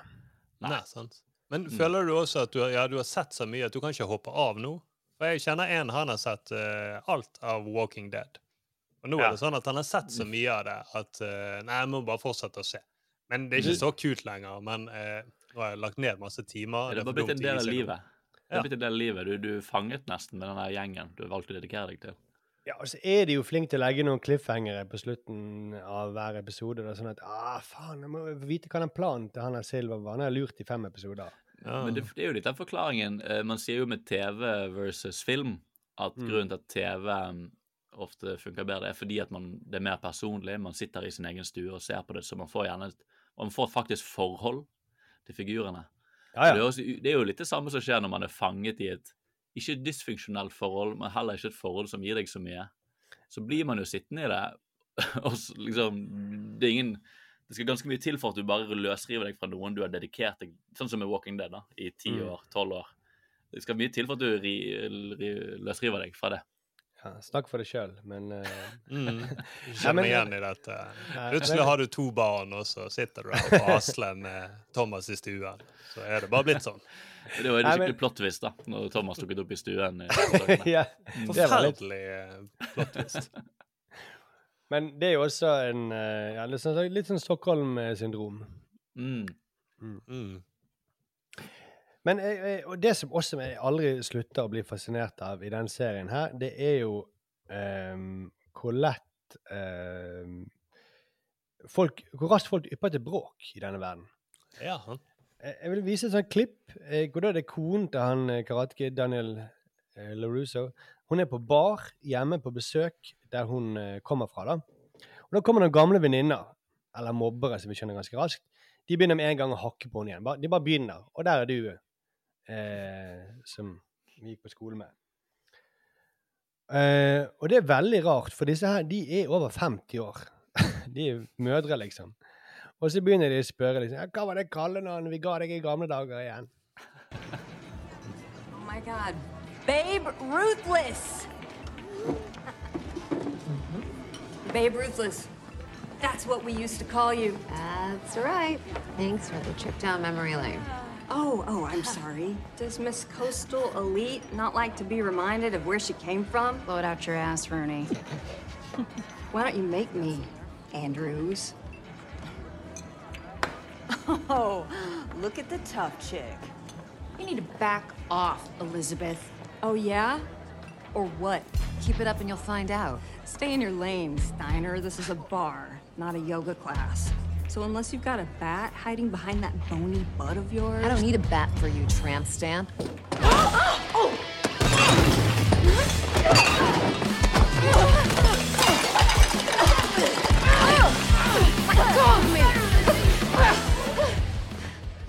Eh, kan skjønne kanskje um... Ja, men det skjedde i den nye episoden av House of Dragon også.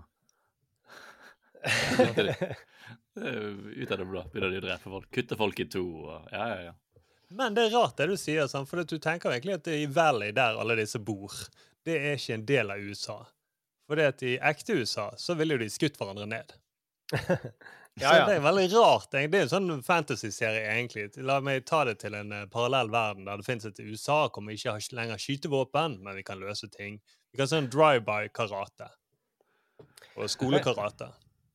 Men altså, jeg, jeg, men er det sånn at eh, hvis du ble, var mobber eh, på ungdomsskolen ungdomsskole og mobbeoffer Jeg kan skjønne at det, når man møtes igjen etter mange år, så er det selvfølgelig litt tens og litt vanskelig. Mm. Men man begynner ikke å gå rett inn og begynne å mobbe med en gang. og si, 'Hallo, der er du. Hva var det vi kalte deg?' Altså, folk har, du har jo kommet videre i livet. Ja, alle kan ikke være sånn som han Johnny, da. Nei, men han er jo mer kompleks, faktisk. Ja, Han er jo, jo, jo. Men det er faktisk samtidig den eneste som er litt kompleks. Men det, det, den serien er jo veldig opptatt av å si at det som skjer på videregående, er det mest informative, viktigste som skjer i livet ditt. Ja. Du kommer deg aldri til å komme forbi derfra. Det, det, er jo, det høres ut som du beskriver at disse karakterene er fanget i et sånn fengsel. da. Hvor det er sånn, Du må hele tiden konfronteres med den du var på videregående, og det livet du hadde der. Det høres jo helt forferdelig ut. Jeg hadde Det også banket folk opp hvis jeg eh, var fanget i den videregående eh, virkeligheten. Ja, og En norsk det- versjon av dette ville jo vært sånn at da ville du sagt OK, vi snakkes seinere, og så hopper hver sin gruppe inn på eh, russebussen, og så ruller de videre. Selv om de da er 50. Mm. Ja, ja. For de har ikke forandret noen ting fra videregående. Det er denne logikken fra 80-tallets eh, high school-filmer som liksom gjennomsyrer alt. Mm. Hvor folk er, hater hverandre veldig fort, og folk som er forskjellige, de skuler på hverandre og Mm. begynner veldig fort å slåss hvis det er ett ord skeivt sagt. Mm. Og kallenavn er det verste du kan få. ja, kan. For en dag så vil det kanskje ende opp i telefonkatalogen med det kallenavnet. Hvem vet? Jeg ser på, jeg syns det er gøy, men nå, nå begynner jeg å eh, ja, Jeg vet ikke om jeg gidder å se sesong seks. Jeg må se ferdig denne, denne sesongen. Det må jeg. Mm. Uh, og det, som du sier, Crease ender ikke på plakaten, uh, for han er i fengsel. Men eh, dukker han kanskje plutselig opp igjen? Eh, Men det har jo vært et rykte, har ikke det? Fordi nå de drar jo ut alle tidlige karakterer fra disse filmene. Mm. Som til og med de minste Altså, ja, jeg vet ikke, kanskje dette er veldig ikonisk. Jeg, jeg, jeg sluttet jo å se etter eneren uh, i filmene. Men de sier jo at hun der er Jennifer Garner, som var den første kvinnelige Karate Kid, Karate Kid som senere endte opp med å vinne Oscar for Million Dollar Baby og sånn. Jeg tror det var hun. Mm. De sier jo at hun kanskje skal dukke opp igjen, da. Ja. Jennifer Ja. Garner, altså hun, hun som spiller i Karate Kid 3, eller noe sånt? eh, Karate Kid 4, tror jeg det. Jeg tror det er Ja. Hun er den første når han eh, Daniel LaRusso forsvinner eh, etter treeren, så kommer hun inn og blir den nye Karate Kid. Sammen med han med Simiagi og sånn. Ja, det er kult. Ja. Mm, Det tror jeg, det, det det som er bussen. At Ja, eh, kanskje hun dukker opp igjen. da. Men hun er jo Jeg vet ikke Ja, hva hun de gjør- på siden. De gjør jo mange sånne oppfinnsomme eh, twister hele tiden. Og det, de dukker jo opp liksom sånn eh, Som du sier, biroller. Mm. Og så ser du sånn tilbakeblikk fra de ekte filmene, da. Hvordan du så når de var unge og sånt. Beklager, hun har ikke vunnet Oscar. så jeg nå. Nei. Men eh, Ønsketenkning, jeg- Ja, eh, hun var jo så flink i den Karate Kid 4. Ja, Hun var så pen også. Ja. Jeg blandet henne med Hilary Swank. Ja, sorry, folkens. Ikke send en klager. Jeg ryddet opp i det i realtid. Ja, men hun er fra Sotra. Ja, hun er ikke hun er det. Men Hilary. Swank spiller ikke i Karate Kid, da. Nei, nei, nei. Nei, nei. Hun har bare vunnet Oscar. Hun har vunnet Oscar. Og ser litt ut som Jennifer Garner. Ja. Ja. Mm. Eh, Eller jeg tenkte det var samme person, men jeg skjønner hva du mener. Mm. Nei, eh, OK, så eh, det var min TV-uke, rett og slett. Eh, ikke bortkastet, men ikke en eh, voldsom opplevelse heller. Litt trist å si. ja, veldig trist. Litt, litt sånn livet mitt om dagen. Ja. Eh, Det har ikke vært de store TV-opplevelsene denne uken, altså. jo, jo, forresten. For vi har jo sett på noe annet. Vi har nemlig Ah. sett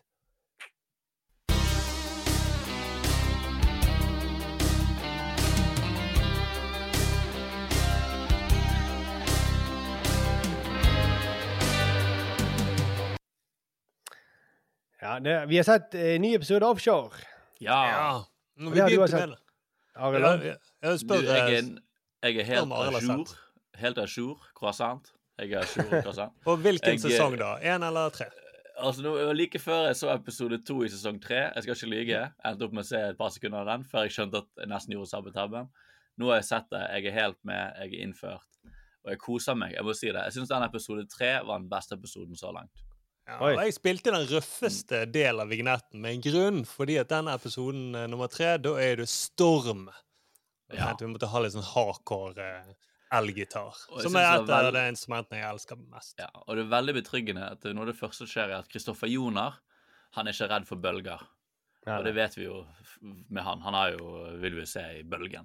Ja, Så, det er- eh, så det, er- for jeg har lett etter det øyeblikket hvor eh, vi så at Kristoffer Joner kommer til å bli en stor eh, TV, filmskuespiller. Jeg lurer på om du begynte, Han hintet litt til det der, for å vise hvor uredd han var for disse kraftige bølgene som treffer denne oljeplattformen. Ja, han Mm. spilte overbevisende der. Mm. Eh, men det slår meg jo at de filmer jo faktisk i Nordsjøen. Ja, det, er ganske, det er litt, det er litt kult. Det er sånn Det, det virket sånn Det virker som Dette hadde de kanskje ikke gjort i dag, hadde jeg tenkt. Da hadde de filmet noe sånn eh, Det hadde de tenkt Hvor nærmeste vann fra eh, NRK, det er liksom Det er på Skøyen der. Ja, Det kan ja, ja. det se litt ut som eh, en slags oljerigg. Litt på huk. Ja, men Det som irriterer meg litt i sånne serier og filmer, er ofte når de skal ha storm, og late som det virkelig er full storm. Og så ser du at uh, det egentlig er ingenting i bakgrunnen som blåser uh, skikkelig. Ikke noe flagg som står rett ut. Uh, ofte er det sånn Oi, oi, herregud, for en storm dette er! Det blåser kjempemye, men luggen min henger rett ned. Ja, og det var Det veldig, ty veldig tydelig nå, For du ser de bildene når de filmer eh, havet, så ser det ganske rusket ut. Ja. Og så, se, så går han ene fagforeningsmannen og snakker i telefonen, tror jeg. Går, Mm. han- går han vel ut, og så snakker han helt rolig og sier nei, det er altfor mye storm til at vi kan gjøre deg laste, losse nå. Og, så si, og så ser du at det blåser ikke i håret hans. Så han, ro, han roper ikke engang. Nei, ikke i det hele tatt. Og det irriterer meg. Jeg har alltid ledd litt av sånne amerikanske filmer sånn, når de skal ha vinter. Så er det sånn wow, kjempevinter. Så de har på seg store votter. Men så ser du at uh, både jakken, hettejakken er åpen, og de går med T-skjorte. Men det er bare Ja. It's freezing, man! Og så, ja, men da ville du ikke gått med jakken åpen. sånn sånn. Ja, og jeans og Ja. noen sånne Uggs. Mm. Mm. Og Dandert skjerf, så de kanskje har. Men den nevnte du for så vidt også min favorittfigur, da. Han fagforeningsmannen. Ja. Uh, Ja. Han er så Han solid. Er det det? Lindbæk, som han heter. Mm. Uh, Den store, jeg vet ikke om det var en twist, men i hvert fall en Var det i denne episoden hvor vi fikk vite at han var broren til han Nei, eh, det- det var forrige. OK, jeg har sett alt på en gang, så jeg eh, Ja. Men uh, ja, han bare Jeg syns han er så solid. Hver scene han er med i, så blir jeg så grepet av han. Og jeg, han er liksom det trygge, liksom, ankeret. Eh, Mm. uh, og han ser helt ut som Brian Cox fra Succession. Vet ikke om dere har hans tryne. Men, men du trenger en sånn der solid gammel kar som bare ikke lar seg pille på nesen, og bare liksom Nesten det føles som at han ikke vet at han er med i en såpeserie. For han alltid bare snakker om Nei, vi kan ikke gjøre det sånn, vi må gjøre det på den ordentlige måten. Det må være riktig, da. Alle andre sånn alle andre konspirerer og har teorier og har lyst til å lage litt drama. Men sånn Nei, nei, nei, det må bare gjøres ordentlig, og så snakker vi ikke mer om det. Mm, Han har ja, alltid lyst til å bli ferdig med scenen. Han har lyst til å komme seg videre i dagen sin. Han er alltid på jobb. Ja, han er alltid på jobb. De andre driver jo og kødder og utnytter for å få litt fritid her og der. Kristoffer Joner denne episoden lager sånn gamblingklubb eller hva faen han holder på med. Men så kommer Lindberg sier ja, hvorfor sitte, nå må vi jobbe litt, da. Vi må jo jobbe selv om det er storm. Altså, Ja. En tilfredsstillende type. Mm, Stålesen heter, han er Kristoffer Joner. Han prøver da å starte som gambling fordi at man skal satse penger på kommer det til å bli mer vind, eller kommer vind til å løye. Og så er det sånn i dag eller i morgen. Sats Ja. 1000 kroner. Og han blir Du skjønner jo, han er impulsiv, han er, kan bli spillegal, han kan Mm. uh, lett la seg rive med. Ja. Uh, og det er også noe hint om noe svart arbeid, at han skal inn på land for å gjøre noe, utføre noe svart arbeid. Ja. De, de, de begynner tidlig å så frøen om at han er Kristoffer Joner-typen. Han skal vi gi litt å spille på. Ja, han han uh, eh, klarer til og med å snakke engelsk midt i en setning på norsk. Ikke Ja. merke til det? Ja, det er det Sier første- halleluja. det første trinnet til svart arbeid ofte. men, eh, men det er jo Jeg syns også han, han eh, fagforeningsmannen, er han Lindbekk den eldre Ja. For han er jo storebror da, til eh, Steinar. Steinar Lindbekk. Men han er jo en sånn fyr som du tenker eh, Han er bare en veldig god skuespiller òg, da. Det må Mm. jo sies.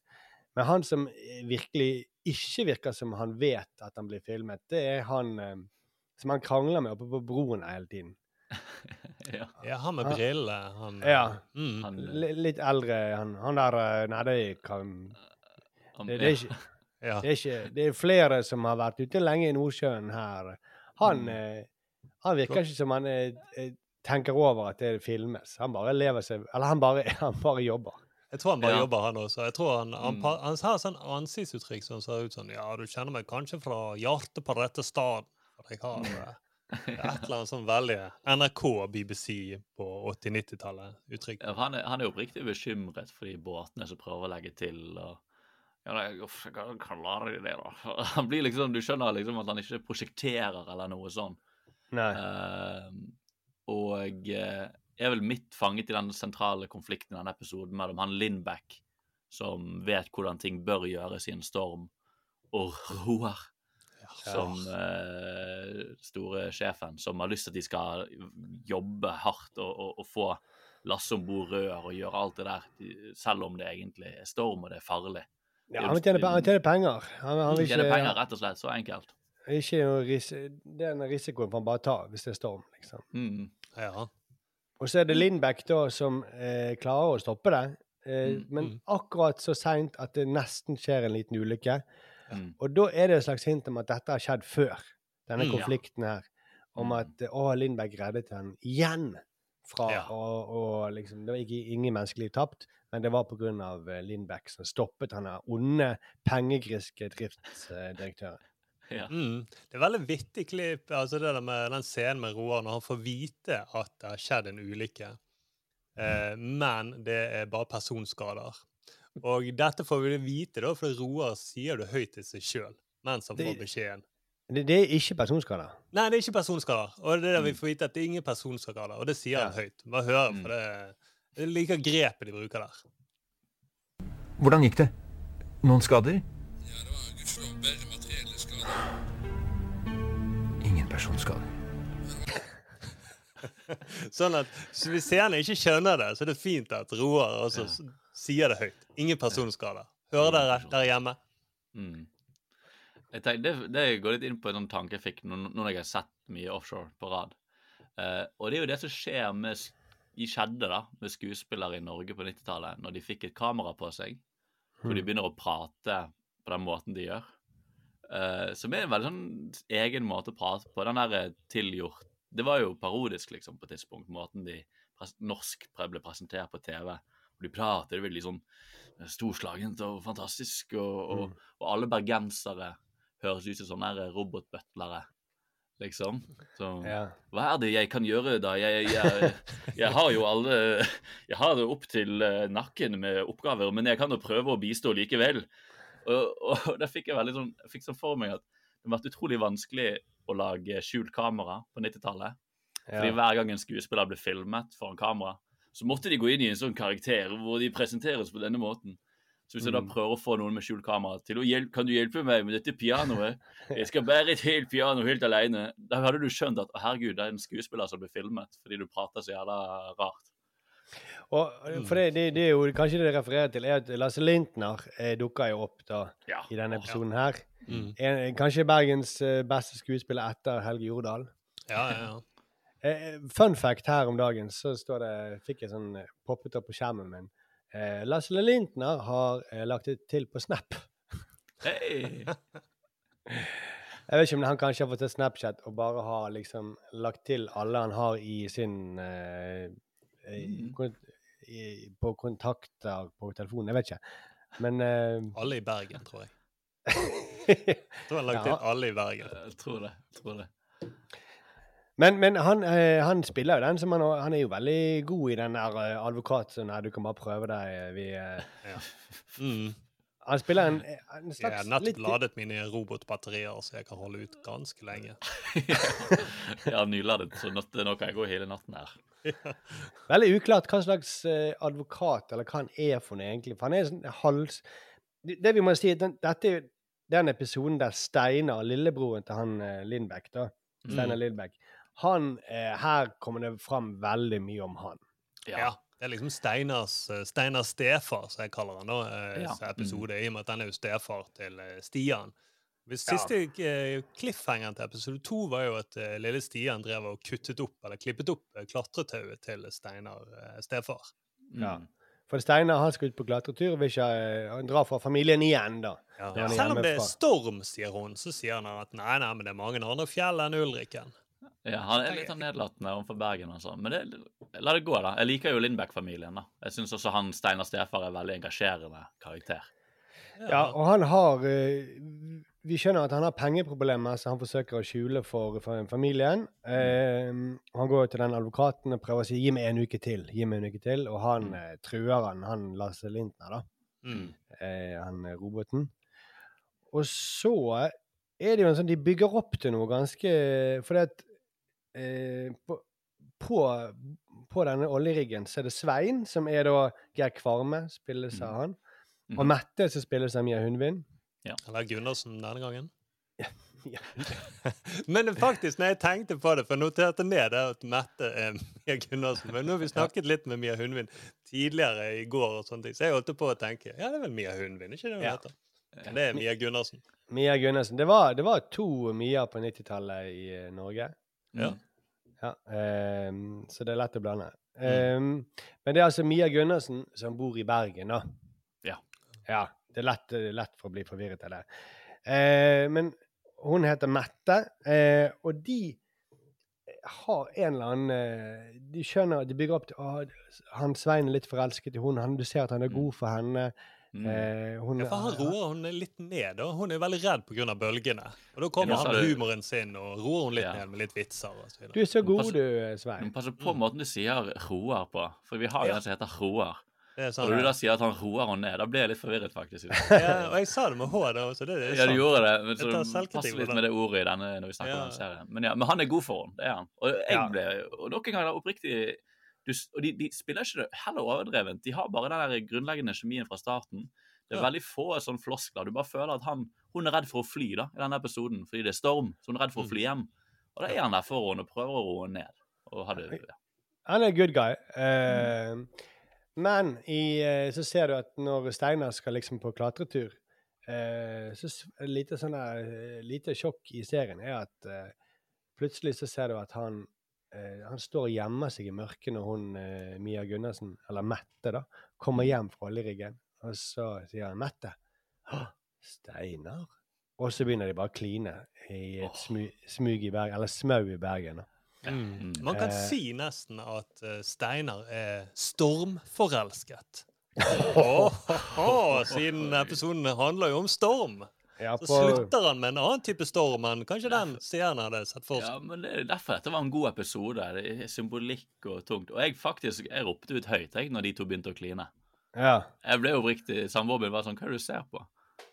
Bare, men nå begynte jo de å Hvorfor skal de de sa Det kom helt ut av det blå. Jeg hadde ingen tro. Og jeg tror det er fordi at han er eh, Lindbekk eh, Ings Lindbekk, eh, Lindbekken, da, stefaren, han har så mye på gang i denne serien.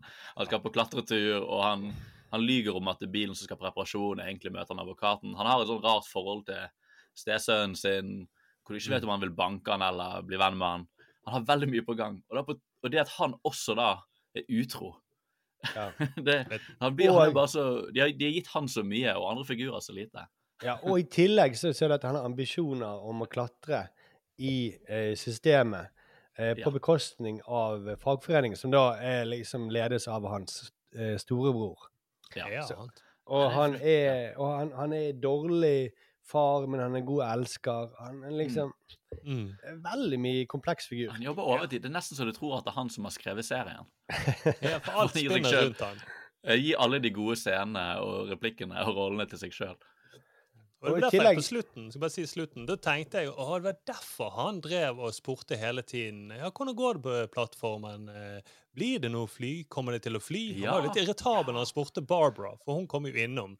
Vi kan snakke om hvorfor hun kom innom etterpå, men da drev han og gravde og spurte litt sånn. Ja, jeg må jo bare bry meg om Ja, de som er der ute. Fordi alt går jo opp. ikke sant? All den Mm. mistenkte oppførselen. Du sitter og lurer litt på er dette bare noen rar 90-talls-TV. eh, At han har så mye Men det går jo opp når han begynner å kline med henne. Da skjønner du han, da setter han på plass i hodet ditt med en gang. Sånn Å, faen, jeg er jo utro.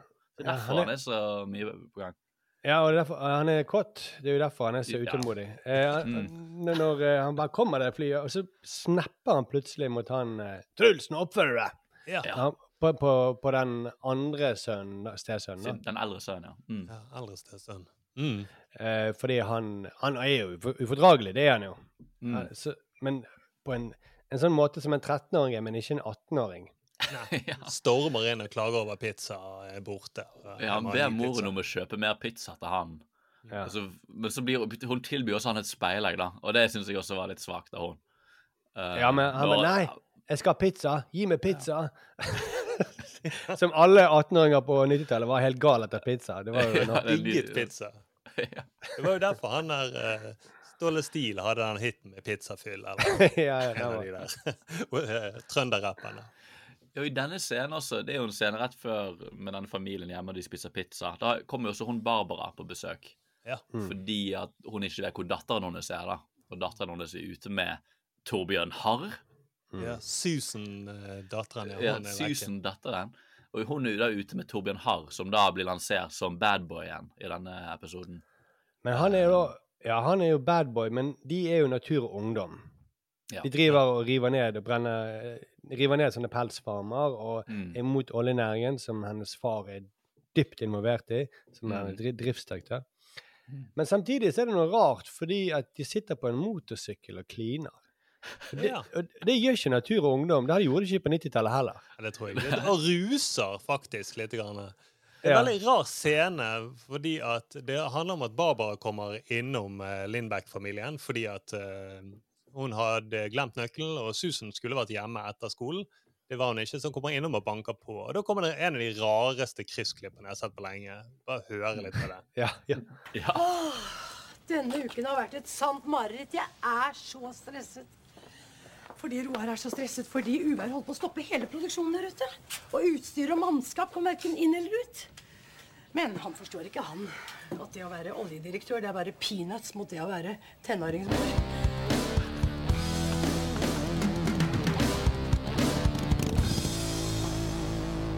Nå, hva blir det til der ute? Ja, de Ja. skulle prøve å losse oljen fra midnatt, og jeg håper ved Gud at det går bra. Det er så rart kryssklipp, da. Det, det, det, hun, det hun mener, hun skal til å si tenåringsmor. Mm. Men det, det, det får hun aldri sagt. Men tekstingen har fått det med seg, da. Så Ja. det, det, står tekstet Ja. Det har Fordi bare, det, de har klippet litt Å, vi må ha Kanskje vi må smette inn dette klippet for å vise hvor hun er. Ja, TV-serien begynner å kjede seg. Ja. og så viser, bare viser det, da. Og, liksom. Kjør på det nå! Ja. Få med den eh, Vi tok masse takes at han drev og ruset motorsykkel mens de klinte. Kom an igjen, kjør det inn. Mm. Dette var ungdommen på Eh, 90-tallet like. Så, faen, nå begynner Barbara å prate igjen. Ah, Ja. du kjører denne klippen. Men, men de skjønner de natur og ungdom. Hvorfor skal de på motorsykkel? Bare få det inn! Få det inn! Mm. I Bad Boys. Mm, han har på seg skinnjakke. Ja. Ja, og han eh, Og de møtes, de, Torbjørn Harr og, og datteren Susan de møter jo hun Barbara igjen seinere, da, og da er han Torbjørn Harr ganske frekk. Og, Altså- og ned, nedlatende overfor moren. Ja, og og sånn var jo det på 90-tallet, at uh, man gikk veldig fort opp i trynet på hverandre, selv om man aldri møtes. Litt, sånn- litt sånn som i Kobra Kai. da. Han, han går jo opp i tryn når hun er litt sånn 'Hvem er du, og hvorfor er du her?' Mm. Så går bare han opp i trynet på Det er veldig sånn truende som en, eh, en slags sånn mafiafyr. Er, er du blitt livredd? Hvis jeg Sitter Altså, med det- skoene på, og beina er da oppå på bordet, og sitter og leser, Mm. og hun spør 'Hvem er du?' og så svarer han egentlig ikke. og Skikkelig. Mm. Og så bare rett opp i trynet på henne. Ja, men Det ser ut som han skal banke henne. da. Ja. Det, det, det, han, han truer henne fysisk sånn. Mm. Eh, og det er da hans kanskje kommende svigermor, som han eh, Veldig, veldig eh, Som han ikke har noe til overs for, da, tydeligvis. Nei. Jeg gleder meg til Simon, som han heter, da, Torbjørn Harr-karakteren. Han kommer til å bli en sånn fin bølle. Kanskje han kommer til å bli Mm. stesønnen til Steinar Stefar? Jeg vet. Ja. Ja, jeg vil også ta fram et klipp, for det, det, det er veldig mye med han Steinar i den episoden. Og når han eh, da skal ut på den Nå hopper vi litt fram og tilbake, men når han skal ut på klatreturen Mm. Ja. eh, Så da, da er det sånn eh, Da er han eh, Da er han verdensmann, og eh, alle står og skal si ha det til han, og han tar han Truls eh, han, Først så tar han og løfter han opp, og så opp, setter han opp på bilen, og så tar han han ned igjen og, og løfter han opp igjen. Og det, han gjør alt dette dritfort mange ganger. Mm. Sånn, sånn som de, egentlig sånn som det var på filmer på 50-tallet. Far var når han skulle ut på tur, så driver han og løfter rundt på alle. Ja. Eh, Men eh, så bare se for deg at han løfter opp på han der eh, stesønnen mange ganger, og så hører hør han vitsen hans. Vær forsiktig, du er ingen ungsau lenger. Kanskje ei fjellgeit? Hva sier Stian? Eh, ingenting kan stanse meg hvis jeg vil til topps. Så du, kom igjen. Eh, Du kan bli en god klatrer for det, du. Men han er sånn er, Ofte sier man det når man er veldig kåt, så man bare skynder seg si de setningene. Bæ, bæ, når buler i buksen. Bæ, bæ. Nei, nå skal jeg klatre. Og Det betyr at han har løyet sikkert hver gang han skulle klatre, så han egentlig, egentlig skulle treffe Mette. Ja, ja. Annet. Men det som jeg synes er vittig, er jo nå begynner den scenen når Steinar Stefar finner ut at eh, Stian eh, Stesønn har klippet tauet. Eh, Den scenen tror de var veldig fornøyd den tagningen de gikk for. da. For da starter det med at Steinar Stefar han roper ute i gangen 'Stian!' Og Da sitter Stian og spiser cornflakes. Og så tar Stian med veldig stiv bevegelse med armen og river ned skålen perfekt, så den knuser. Og så løper han ut, akkurat som regissøren har sagt. Og så fortsetter scenen. De gjør ikke noe klipp, så de fortsetter å prate. Og da ser du at på tidskoden 4.00, f- fjerde minuttet der, så ser du at mikrofonen dingler ned. og er litt grann nede i rommet. Og så forsvinner han opp igjen. Men jeg tenker da at yes, nå fikk vi han Stian-skuespilleren. Han knuste denne så perfekt med den stive armen sin. Vi må bare gå for dette. Men det er faktisk flere ganger du ser en mikrofon dyppe ned. eh, Jeg tror jeg så, Det er to ganger, ganger til denne episoden. Så ser du en liten mikrofon hoppe ned og opp. Så de, de har hatt dårlig tid, tror jeg. Ja, jeg tror det. Det kan være litt av grunnen til at han sier bæ-bæ veldig fort. For du ser også når Stian kommer inn med den pizzaen, og når han setter den på bordet, så ser du at den er så rar bøyd. Akkurat som det ikke er en pizza inni pappesken. Men det er også eh, Vi må også snakke om den der kjedelige familien. da. Ja, Uff, fuck ja. Åh, Det er dritfamilie. Og der er det veldig mye om det der flygelet som han har kjøpt til hunden. Mm. Som han gleder seg sånn. Nå skal hun få flygel, og da skal hun ikke savne byen, hun skal like å være på gården her ute, da. Mm. Eh, Det og flyet vil mest- løse alt. Ja. Og det er jo en, foreldrene hans er jo veldig skeptiske til at han skal ta et flygel inn, på, inn i huset. da. Ja. Mm. Eh, Og eh, hvordan skulle du få det inn, og bla, bla, bla. Mye klaging fra foreldrene. Veldig mye klaging. Eh, og, for han kommer bare med dette på, en, eh, på en, eh, et lasteplan og er kjempefornøyd. Mm. Og så eh, Og de klager på prisen, det må være dyrt og sånt. Og, og så er det høydepunktet er når faren kommer med motorsagen gående mot eh, dette flygelet. Da. Da er det dramatisk. Og han bare 'Hva er det du holder på med?' Ja. Jeg skal ikke du ha det inn, da? Og så tror han selvfølgelig at han skal kappe beinet på det, men han De kapper opp eh, døren, eller veggen, og- for å gjøre det større. Og det er jo veldig rørende, da.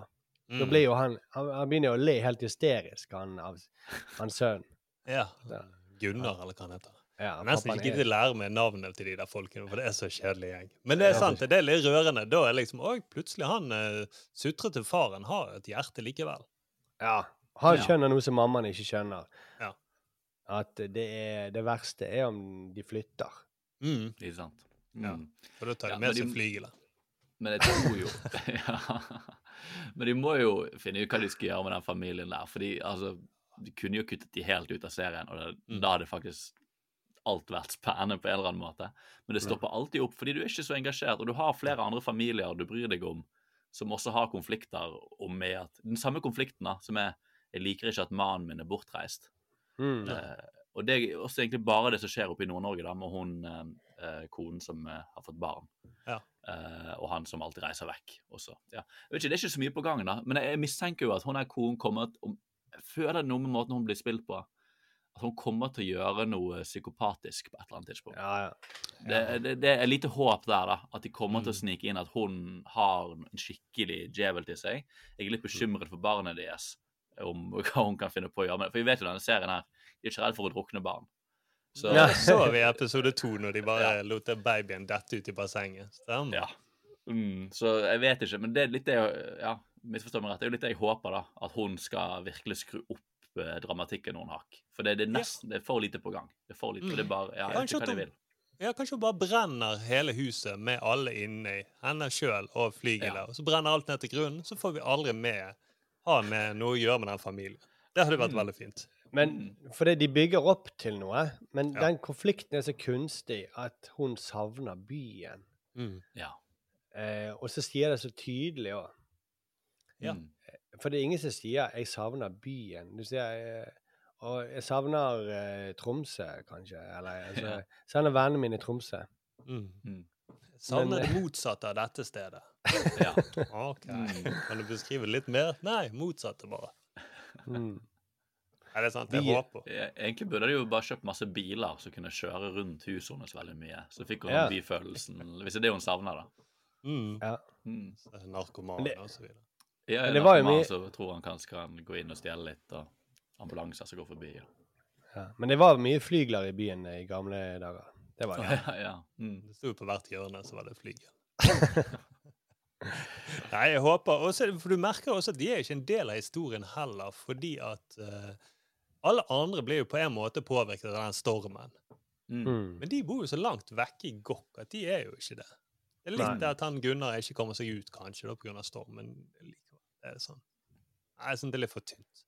Det er for tynt, men det blir, de, de, de har sikkert en plan med det. Eh, vi skal se episode fire da, til neste gang.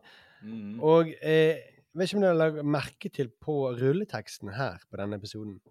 Så sto det 'kostymeassistent Elisabeth Udnes'. Hvem er det? Nei, Elisabeth Botterli eh, Udnes heter han egentlig da. Sikkert eh, regner med det er hun. Fordi vi vet at mannen hennes, Peder Udnes, han har jo skrevet manus for uh, noen av de uh, episodene. Og vi kjenner jo han uh, fra NRK. Mm, han, ja. Begge de to jobber jo i Nytt på Nytt. Ja. Så det hadde vært interessant å høre. Altså Begynte hun som kostymeassistent og endte opp som forfatter for Nytt på Nytt? Det er jo en, det er jo en reise. Ja, og begge to er de er jo gift også. De er gift. Traff de hverandre på offshore, kanskje? Det kan jo være. Mm. Var liksom Kanskje Ja, kanskje med til uh, denne type musikk.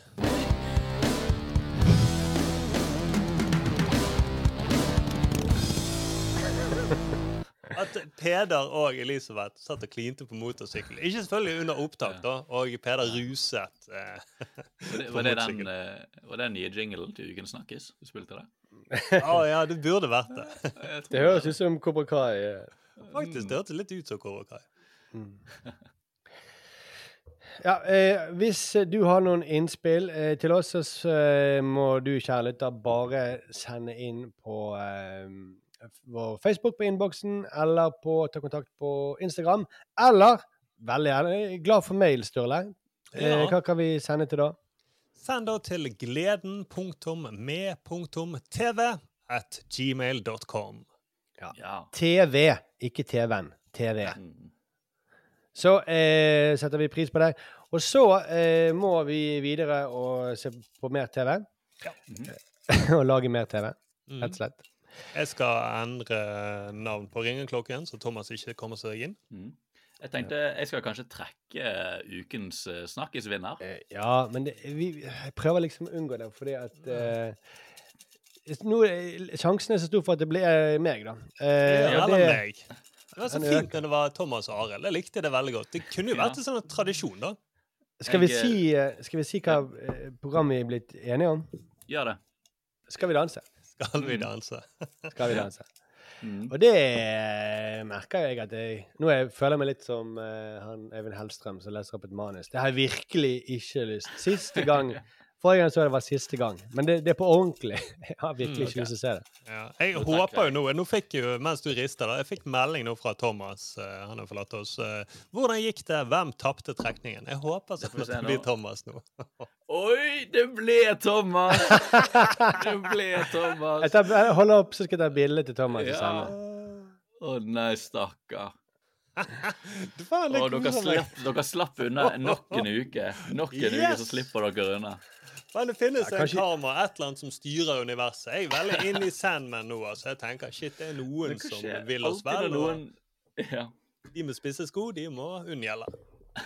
Alltid når noen stikker av fra innspilling, så blir de trukket. Det er, vel, altså, det er jo kjempemistenkelig, men nå har jeg vært en del av det også, så jeg vet ikke hva jeg skal si.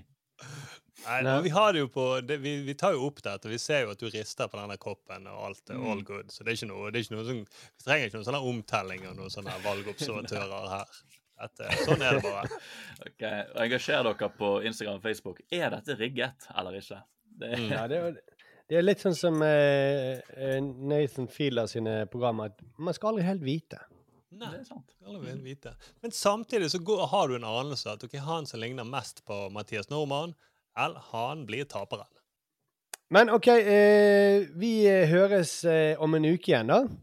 Mm. Da Gjør skal det. to Thomas eh, skal se eh, Skal vi danse? Skal vi danse? Mm, yes. Og eh, alle skal se Offshore episode fire i sesong én. Ikke sesong tre, som du kommer rett dit til på NRKs nettspiller. Du må huske å gå tilbake igjen til sesong én hvis du skal se det sammen med oss, da. Ja. Takk for laget, gutta. Takk for nå. Vi snakkes. Ha det.